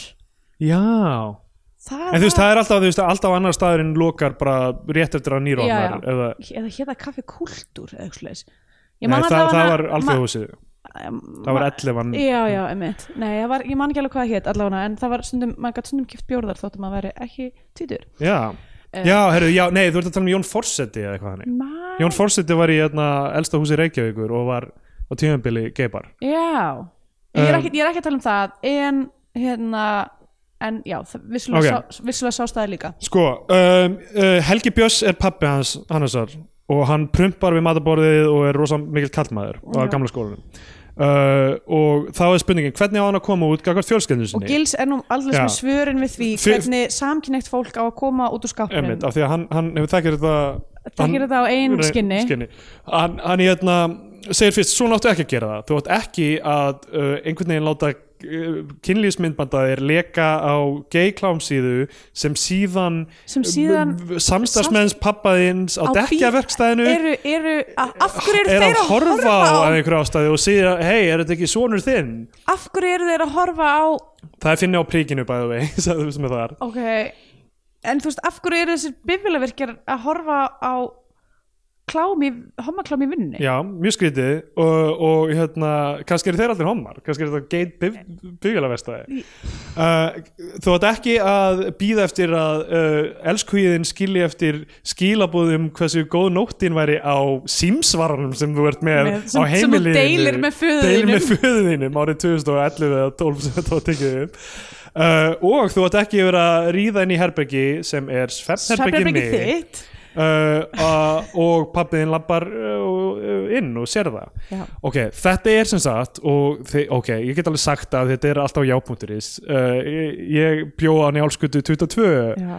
sem uh, einnig þessum drekasvæðið Já. íbúð sem á þessum tímabili var held í eigu Glúms Baldvinssonar ok, um, sem er, er d- svona hefur verið tengdur stjórnmálum fæðir hans Jón Baldur Handbólsson já. Uh, og hérna einnig verið í- þróunarsaminu og við keftum íbúðuna af honum. Mm. núna er hún leið út til Kolbjörn Sóttisson á propp eða þingmann sem viðstu grætna þannig að þetta er allt mjög venjulegt. Uh, ég var að segja þið gerðir rosa mikið fyrir þessa íbúð. Hún var, drastlýsar íbúð er hróðalegt sko, sko þarna er hún skreitt náttúrulega Gnúmi Baldunsinni sem hefur lengi unnið í þróun sam, Já. samstarfi í Afríku. Og það er svona, svona stór svona afrískur svona skjöldur upp á vegg. Já, og hérna þarna er sem sagt uh, eitthvað svona rúm með rúmgabli sem er inni í þessi rúmgafli er agalegur. Já, og þar er, veist, þar er Hannes Óli að ríða. Já, hann var búinn að segja mér þetta, hann var svolítið búinn að segja mér þetta ok já. hann kom heim til mín að taka upp uh, podcast, gamla podcast með Spinnipúkan Mm. og hann bara, heyrði, ég tók upp lífslegni gils Í í þess- þessari íbúð ok, hann hérna uh, og svo eru ma margar senur sem eru líka í eldhúsinu mm Mhm. -hmm. slags svona borstofunni Mhm. og í stofunni þannig líka Mhm. uh, allavega ekki kemur út úr skápnum með því að standa upp fyrir fram að alla fjölskyldin sér með mataborðið og segja ég er faggot. Það er ein leiðin. Uh, önnur leið er að koma út á gay pride í sjónvarpinu og hrópa líka eitthvað svona ég er faggot og vera með svona borða um hálsinn svona regnboga. Svo segir hann, ég skal segja ykkur hvar eru staðir það sem er enga homo að finna í sjónum, uh, nei ekki í sjónum. Í, í, í sjónum Gay fish uh, á sjónum, það er engir, engir samkynniðir á sjónum, það er bara allir sem miklu kallmenn þar að það er ekki hægt.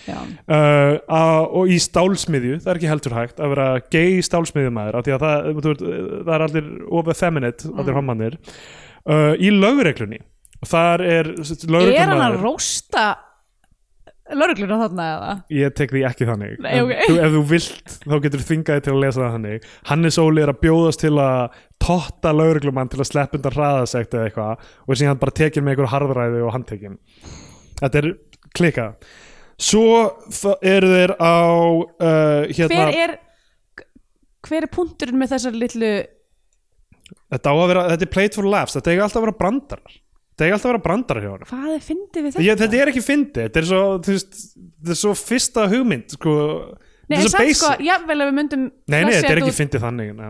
Þú veist, jáfnvel ef við myndum bara fá bara, þú veist, bara eitthvað sk- skaup skrifara til þess að taka þetta. Kristoffer Dignus Nei, bara, bara, þú veist, úrvalalið íslensku grínista til þess að vinna á þessu litla bytti í ótakmarkaðan tíma.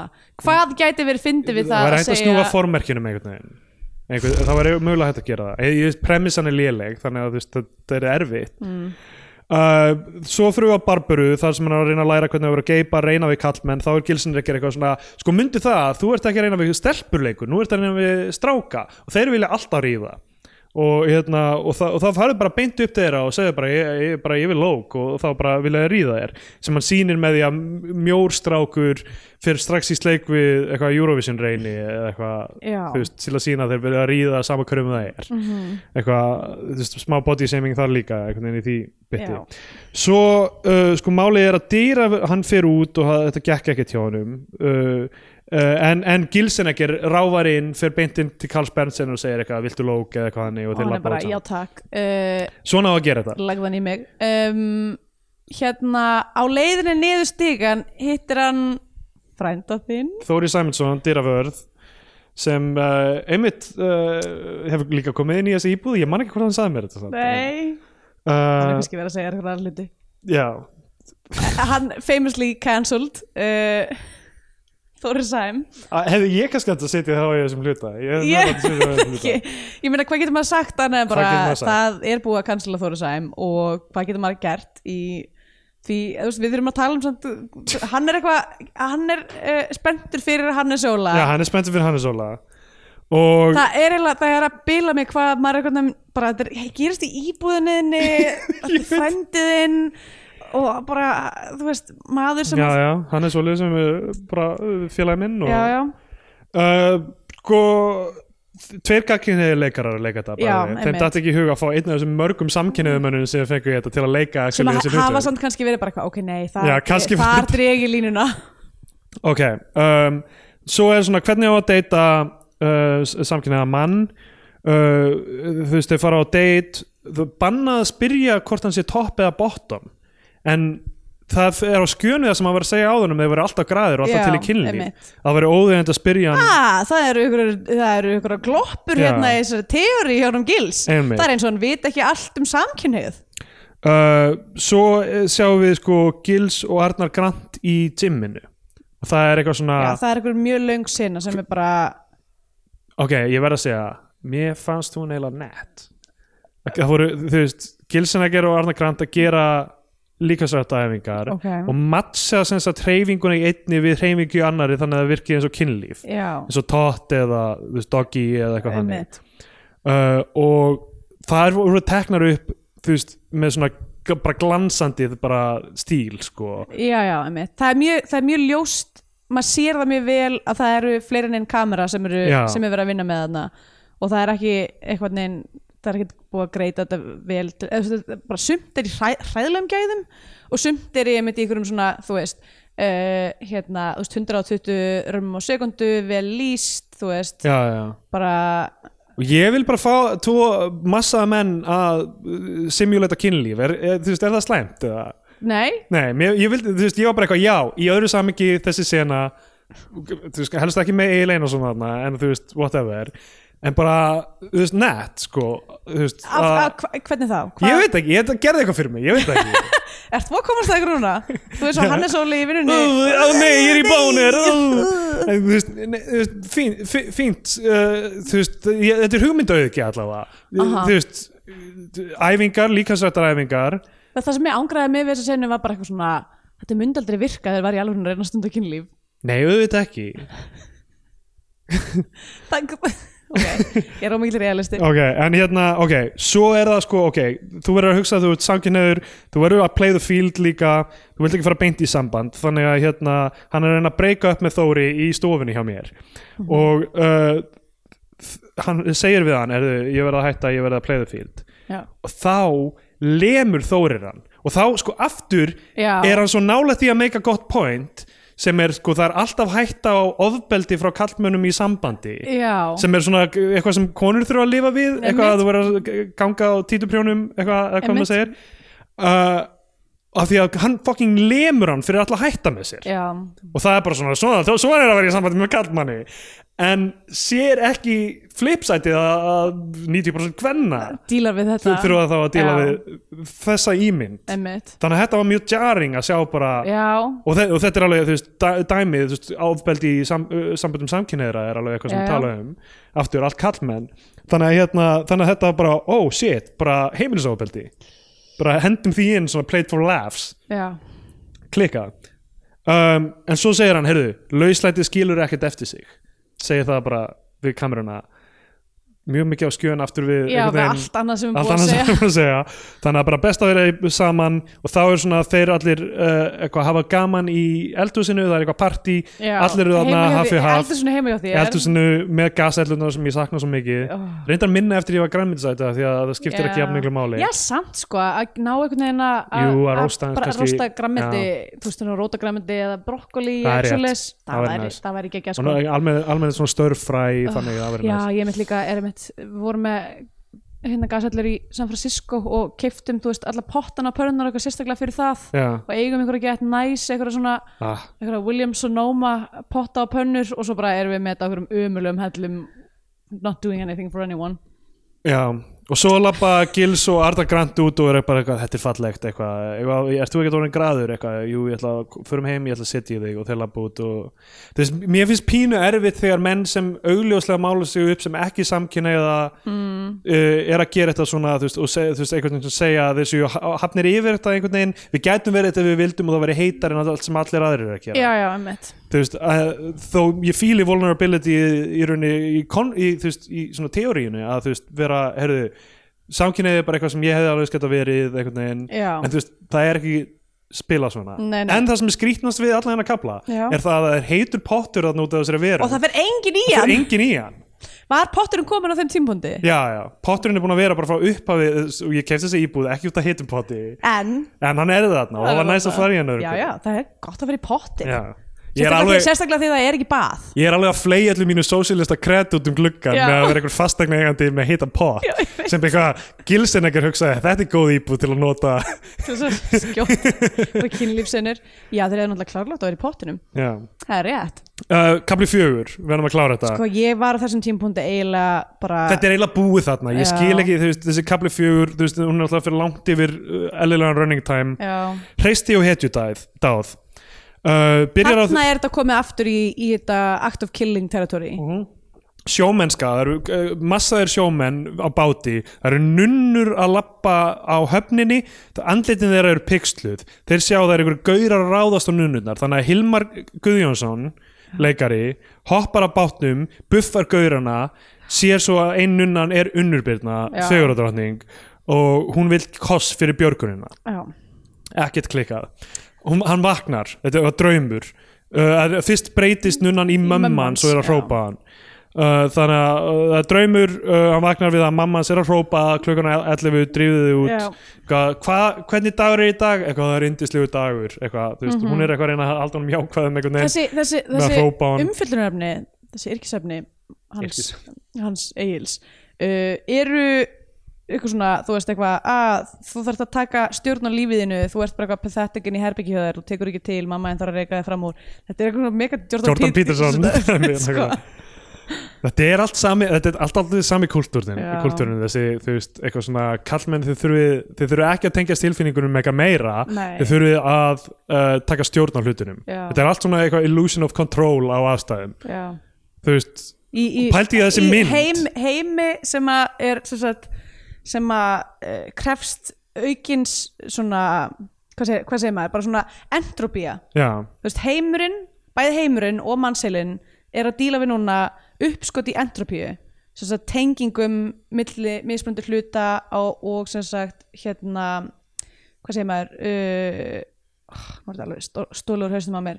Byrja bara flækjustig heimsins er búið að aukast á sko hérna uh, lógrætmiskum hraða bara síðustu, síðustu 40 árun eða eitthvað. Bara heimurinn var svo miklu einfaldari. Já, já. Og það er bara ógæslega erfitt að díla við þetta uppskott í flækjustígi já, já, og ein leið apparently við að díla við það er að taka til í herbygginu emitt um, en þú veist, en þetta er bara eitthvað þetta er, þetta er mjög mótern vandamál. Mér finnst alltaf svo fyndið með þetta sko, eitthvað mæður búin að vera að segja svonum sínum að taka til í herbygginu í eitthvað já, nei, nei, þú aldir alda.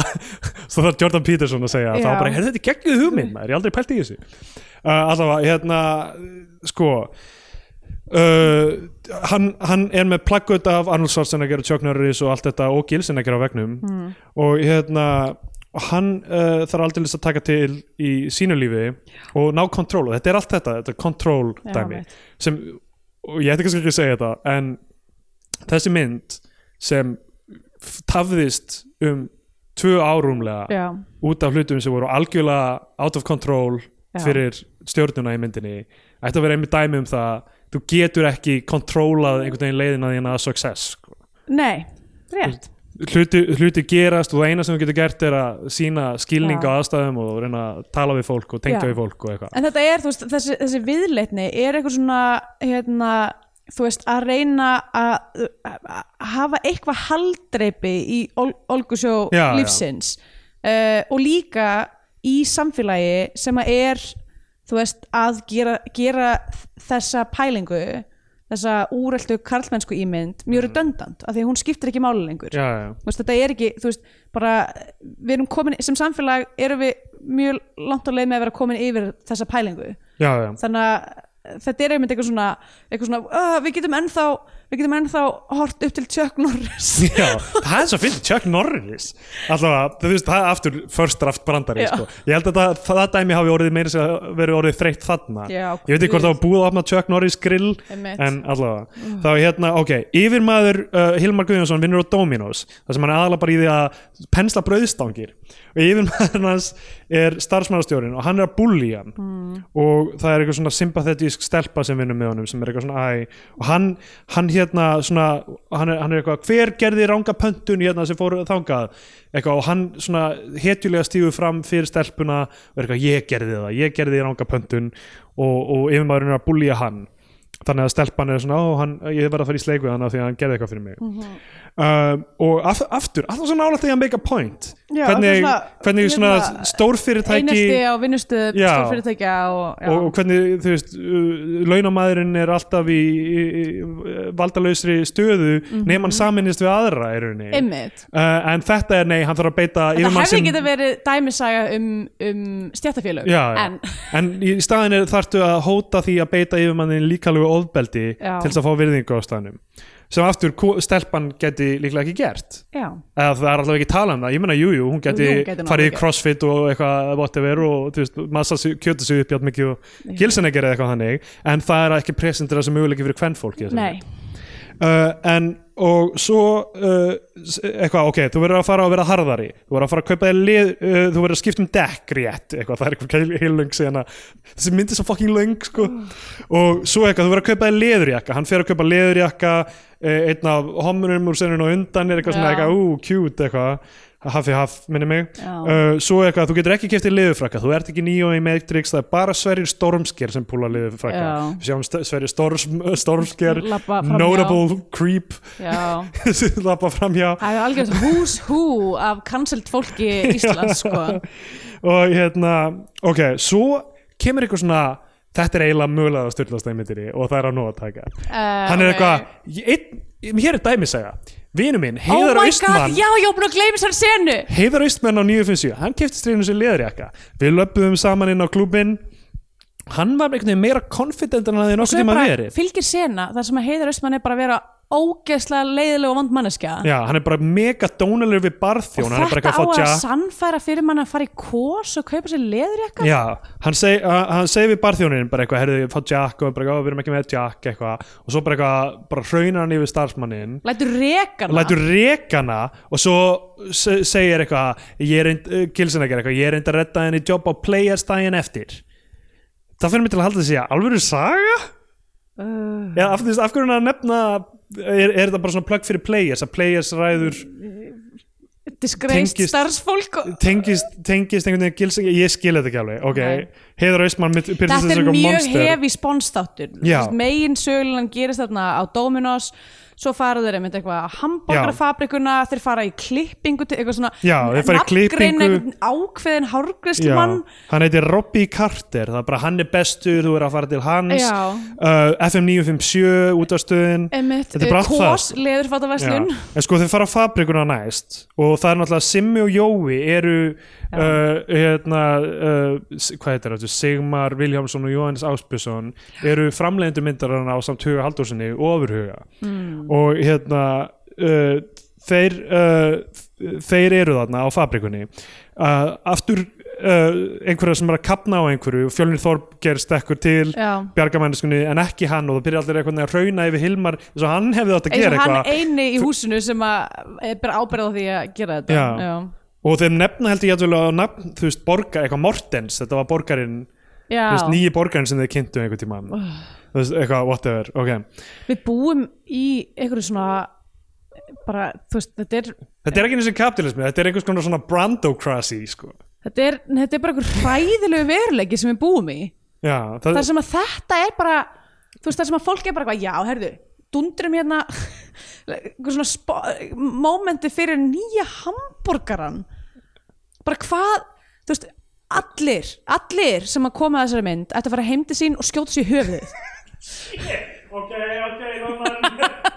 Á, wow ég, ég er að ég, sorry, ég er að geti bípað þetta Ok, út. sorry, ég er hérna að taka bara eitthvað falling down moment þar sem ég er loksins búin að missa haldreipi á raunveruleikunum af því það var að vera fucking plugga einhverjum hambúrgara það sem gerist næst þetta er náttúrulega allt eitthvað svona mjög incestuous dæmi melli hambúrgarfabrikunar stöðar tvö þú veist, þetta, er allt, þetta er allt eitthvað svona styrlað svona cross promotion insanity sem er sko örgla aðlandi fyrir fólki sem er alltaf að sjá alla þessa hluti Já. og tengja á saman. En fyrir einhvern sem líkar illa við eitthvað eitt af þessu þá er bara eitthvað svona, ó, mér finnst það að vera svona stöð tvö hambúrgarfabriku staður. Eitthvað, Já. ég ætla ekki að fara til Rópa Carter. Eitthvað, þú veist Það uh, get sagt það, ég er aldrei að fara að vesla kós leðfallvestun ok svo uh, segir hann eitt hann segir eitthvað þið ættu, þið ættu öll að taka skyndi námskeið Mm. flott, ok. Uh, svo er hvernig á að koma í veg fyrir sjálfsmorð. Oh my god, ekkert er þessum manni óviðkomandi þar er fyrir utan bara turnin uh, í Kópavogi, í Smáralind. Já, er þetta sáturn, já, ok. Er, er þetta ekki höfða hjá, smá, smá, uh, hjá hambúrgarfabrikum Nei, þetta er, þetta er, sm- þú sér hérna uh, þú Ok. sér bílastæði Smáralindar fyrir aftan. Ok, þar er einhver svona jumper potential sko. Já, frækt er vinsalasta sjálfsmórsaðferðin Já. það er allir alltaf að reyna að hoppa fram að einhverju. Það er ekki, það er ekki neinar aðra leiðir sem Það er engin, engin til dæmis að fá sér pillur í baði? Nei, nei. Og, og spyrja áhörundan er þetta þú? uh, þar er lauruglumenn fyrir utan Lóa Pinta aldrei þess að stóti fréttakona Já, ok, þarna, þarna, þarna tapaði þessi myndir Já, því var að- ég bara ekki hæru, ég var að fara að gefa henni íslenska að fe- famously þá hatar Steindór Já. uh, að þegar alvöru fréttafólk er í Já. bíómyndum En það sem er verra en það er að Stefán Eiríksson, alvöru lauruglustjóra á, á höfuborgarsæðinu er lauruglustjórinn þarna Löggur eru, þú veist, þeir bara þeir ráða ekki við hann jumper, það einmitt. það, það er bara, herru, er hann mættur? Gils mætir, löggurnar eh, sem er að fylgja hann upp í liftinu, bara, þú getur þetta stóri G, við treystum þér G höfðingi. Það er, þetta er, þetta, er- er ekki sociopatist ég fæms upp frá lögmanninu þetta er ekki sociopatist uh, hann mætir upp. Hver er allar að stökkva annar en auði blöð þetta er náttúrulega tengist einhverjum fótbollaleik og einhverju veðmáli sem hann er eitthvað búin að gera uh, og hann eitthvað svona eiginlega róstar auða blöð bara eitthvað, þú, þú hefur fullt ástæðum til að drepa þig, þú ert sköllóttur. Hann, hann neggar hann út úr sjálfsmorði. Já, já, en nei, það sem á endanum virkar er bara að segja þú veist, hann var að horfa á fótbollaleik þar sem Að Valur var að tapa og unnið, já. búin að veðja, hei þú sást ekki þið skorið uppbóta tíma og það er bara já, yes. Hann ætla að drepa sig á því hann tapaði svo miklu í veðmálum.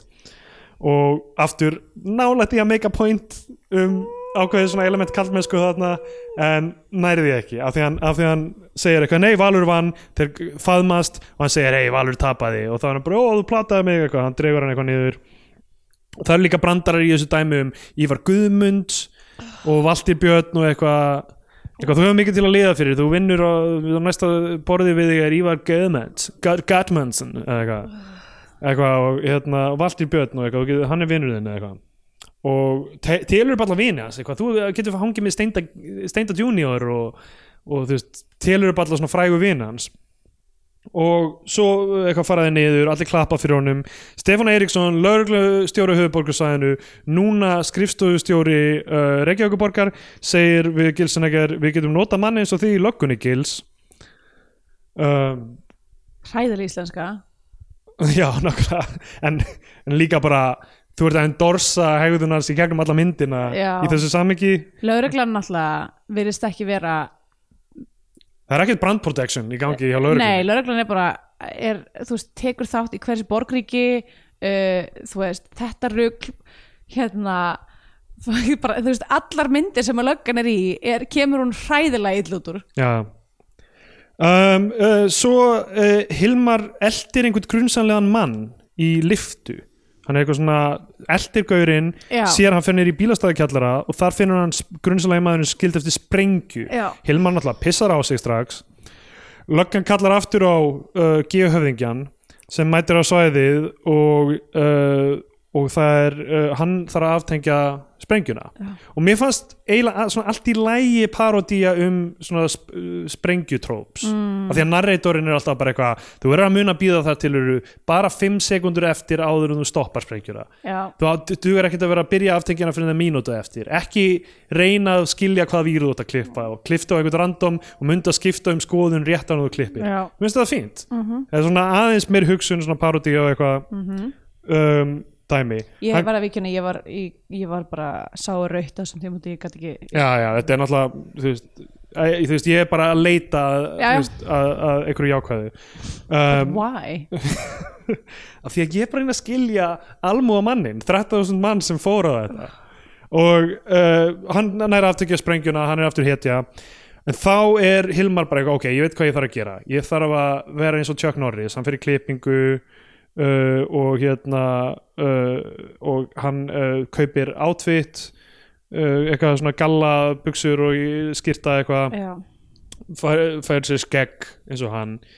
Lappar inn á Dominos á skólagötu og ringsparkar svona og stoppar fyrir framan andlitið Já. á yfirmanninum klassist uh, Jack Norris move Já, og þú, þú þarft að hann þarf að vita að þú getur ringsparkað hann Mhm. og svo lappar hann út og bara svona f- fleir svona nefanum upp í loftið bara Já. svona eins og í Breakfast Club Einmitt. og það er myndi búin Já, og uh, mynd, ef mynd má kalla Þetta er, na- já, þetta er náttúrulega þú veist, fjórar stuttmyndir í rauninni, að fjórir þættir Fjóri, þetta eru þættir þetta er, þú veist, Sko ég bara er mjög ósamálaði að við hefum að taka þetta. Við tókum pappirspjessa nákvæmlega sama. Og þar var ekki eins og kliftur vissum, en við vissum ekki að pappispísi væri það. Þetta Við vissum að þetta væri svona. Þetta er verk yfir, yfir einn og halvan tíma sem fór í bíó. Það, Já, þú veist já. þó narratífan sé ekki til staðar eiginlega þá, Já, ég veit ekki, þau hefðu en- að taka á ég hjara veraldar þá já við ættum eiginlega að taka á hjara veraldar. Já, ég er að segja, við áttum, við áttum að taka allar þessar myndir. Já, ég menn alltaf læg, já. Já. já, þá bara erum við búin að aðeins víka krítiríuna Eitthvað eigið þessum þætti?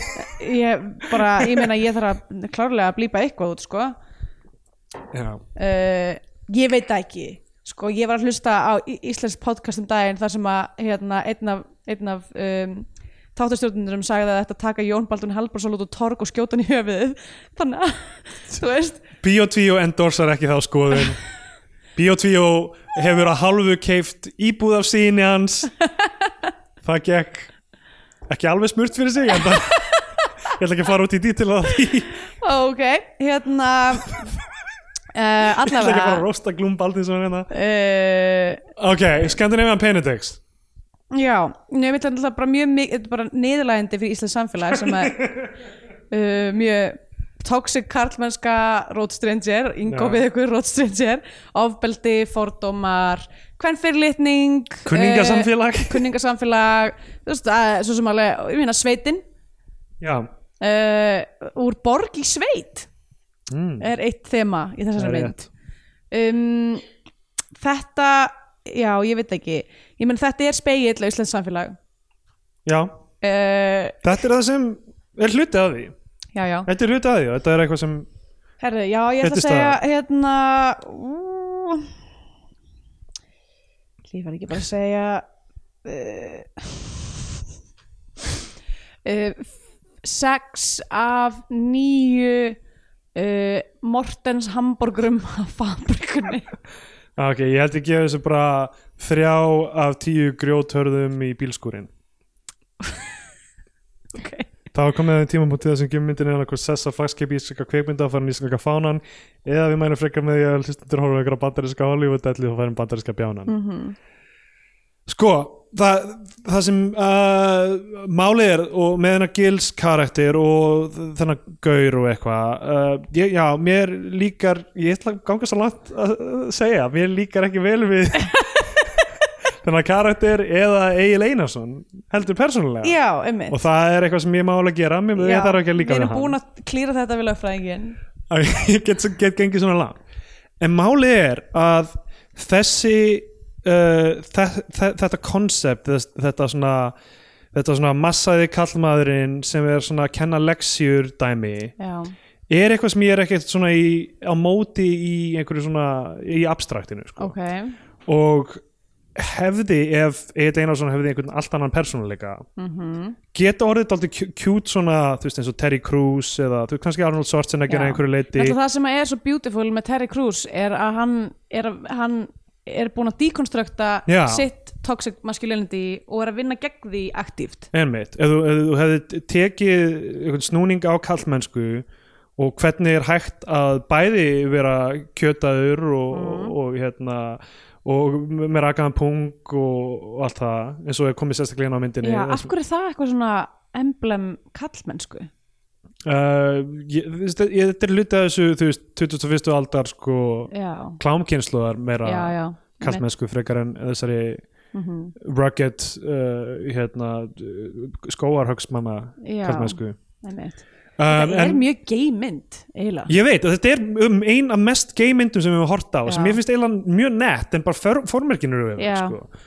Og hérna, um, og þess vegna sko hugsa ég mjög mikið, þú veist, hvað Egil Einarsson hefði getað gert þjóðinni gott að mörguleiti ef hann væri introspektiv og hann væri þú veist, hann má alveg halda áfram að borða kjúklingabringur og halda með Manchester United og vera enga þjálfari og vera það allt saman. Hann má bara gera allt sem hann gerir og þetta má hann þetta allt í abstraktinu. En ég er að meina ef, ef hann hefði gert þessa mynd og verið eitthvað svona hei strákar, hvernig getum við verið betri? Þá hefði það uh, örgla orðið mjög kjút Já, og ég hefði getað fyrirgefið mjög mikið af einhverjum svona fyrstu draftbrandurum eða cameoum eða dótið sem ég fíla almennt ekki í bíómyndum. Já, en það er bara því er ekki að heilsa að Egil Einarsson sé svo manneski sem getur gert hann í mynd. Nei. Eða nokkur annar sem koma henni sem skrifa hana með henni. Ég meina, þú veist, það eru Hannes og, og Kristoffer sem skrifa þetta með Já. og þurfa að lifa með því að skrifa þetta toxic bullshit sem þessi myndi er. Að því að hún er hvernfyrirlningin er bara, þú veist, alveg Ótrúleg, sko, stjartfræðileg hún er sko. ótrúleg og uh, allt þetta gay segment er, er alveg keksruglað líka. Já. veist, En hún er samt, ok, eitt, eitt, sem verður að segjast er að það, það eru allir niðurlæðir og allir já, hakaðir það er allir, allir gerir það. Og, og, og, og fólk sem býr í sveit og allt það. Og þú veist, mögulega er hægt að verja eitthvað af því með svona þú veist, þeir séu in on the joke. Þeir séu, þú veist, það sé betra að grínast með þessa hluti en að uh, en að hunsa þá eða eitthvað þannig en það gengur eiginlega ekki með þeim formekli sem það setur af því þetta er allt ég er að kenna þér hvernig á að lifa og þó það sé grín þá held ég að það lesist ekki sem grín gagvart uh, strákurinn sem kaupa bókin hans Nei. og strákurinn uh, sem eru unglingar og fara í bíó og sjá þetta Já. ég held að ég lesi þetta ekki sem grín ég held að ég lesi uh, Pétur Jóhann og Andri og Hilmar og Hannes Óli eru rasshausar og viti hvernig á að lifa lífinu. Og meðan þessi gaur hefur perfekta það. Hann er flottur, allar steppin af viljan og, uh, og utan, já, ok, lífum þetta.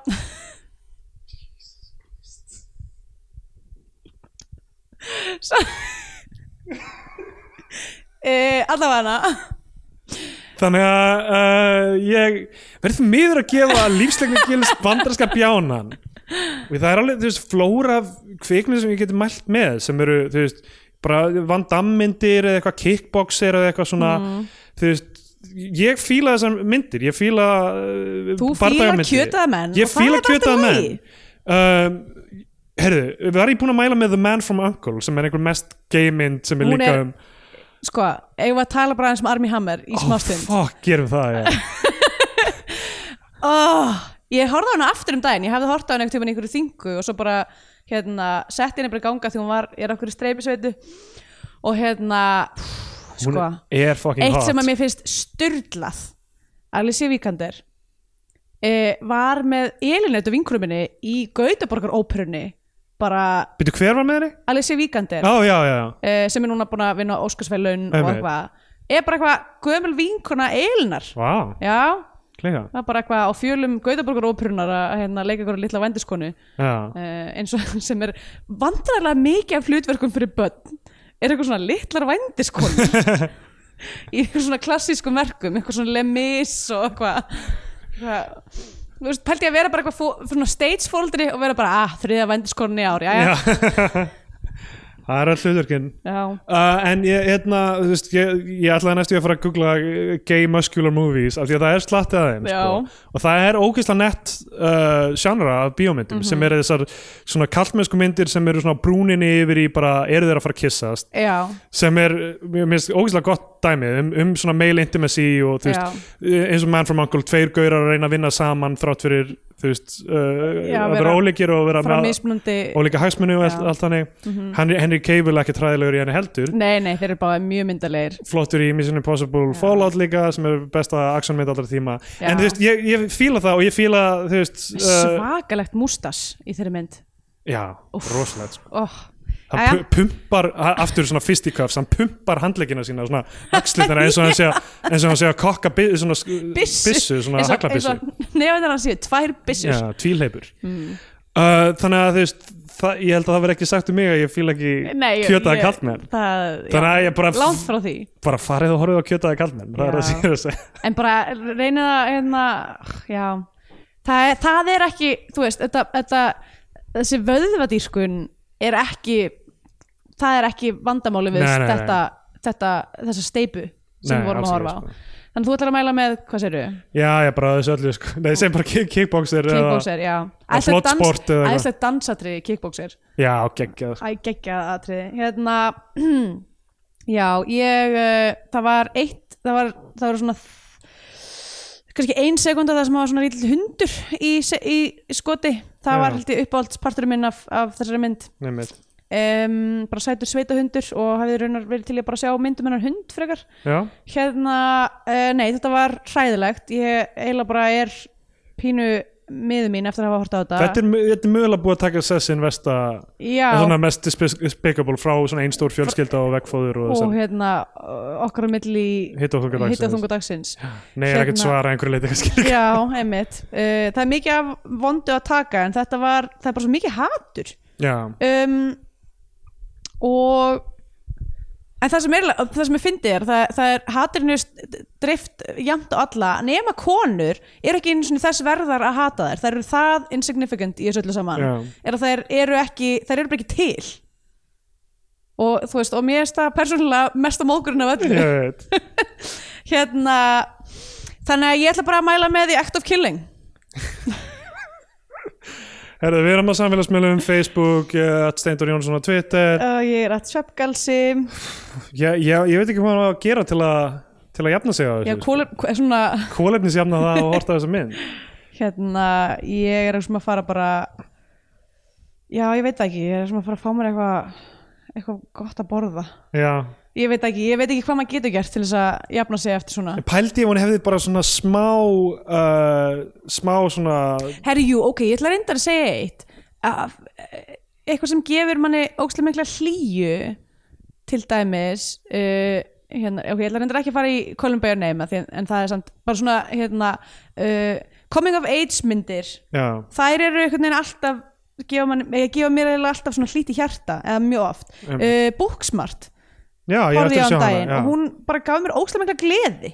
Ok, hún var bara geggja, hún bara svona hún var einmitt svona, tökum fyrir eitthvað tróp sem er, þú veist, eitthvað svona að klára high school og þú veist, að vera eitthvað svona, að ég er ekki vinsæl eitthvað la la la, þú veist, þetta dæmi og bara svona tæklaði allt á einhvern veginn jákvæðin vinkil sem er ekki að detta í einhverjar skur, skurði sem að, þú veist, eru toxic bara, það, þú veist, mér þess að þú veist þeir sem áttu að vera vondu vinsælu krakkarnir voru ekki eitthvað svona heimskir jocks eða þú veist, eða, þú veist þetta var alltaf eitthvað svona byggt á miskilningu frekar heldur en þú veist, sem að er hvernig raunveruleikin er. Fólk meinar oftast ekki eitthvað illt með Nei. því sem það gerir. Og, og vandamál milli fólks er oftast hægt að leysa uh, í gegnum bara betri samskipti og og það var bara svo næs að sjá það í staðin fyrir bara hatur og umurð já, Booksmart sem þetta já, Ég fílaði betur uh, mashup myndina sem komið eftir henni Babadook Smart.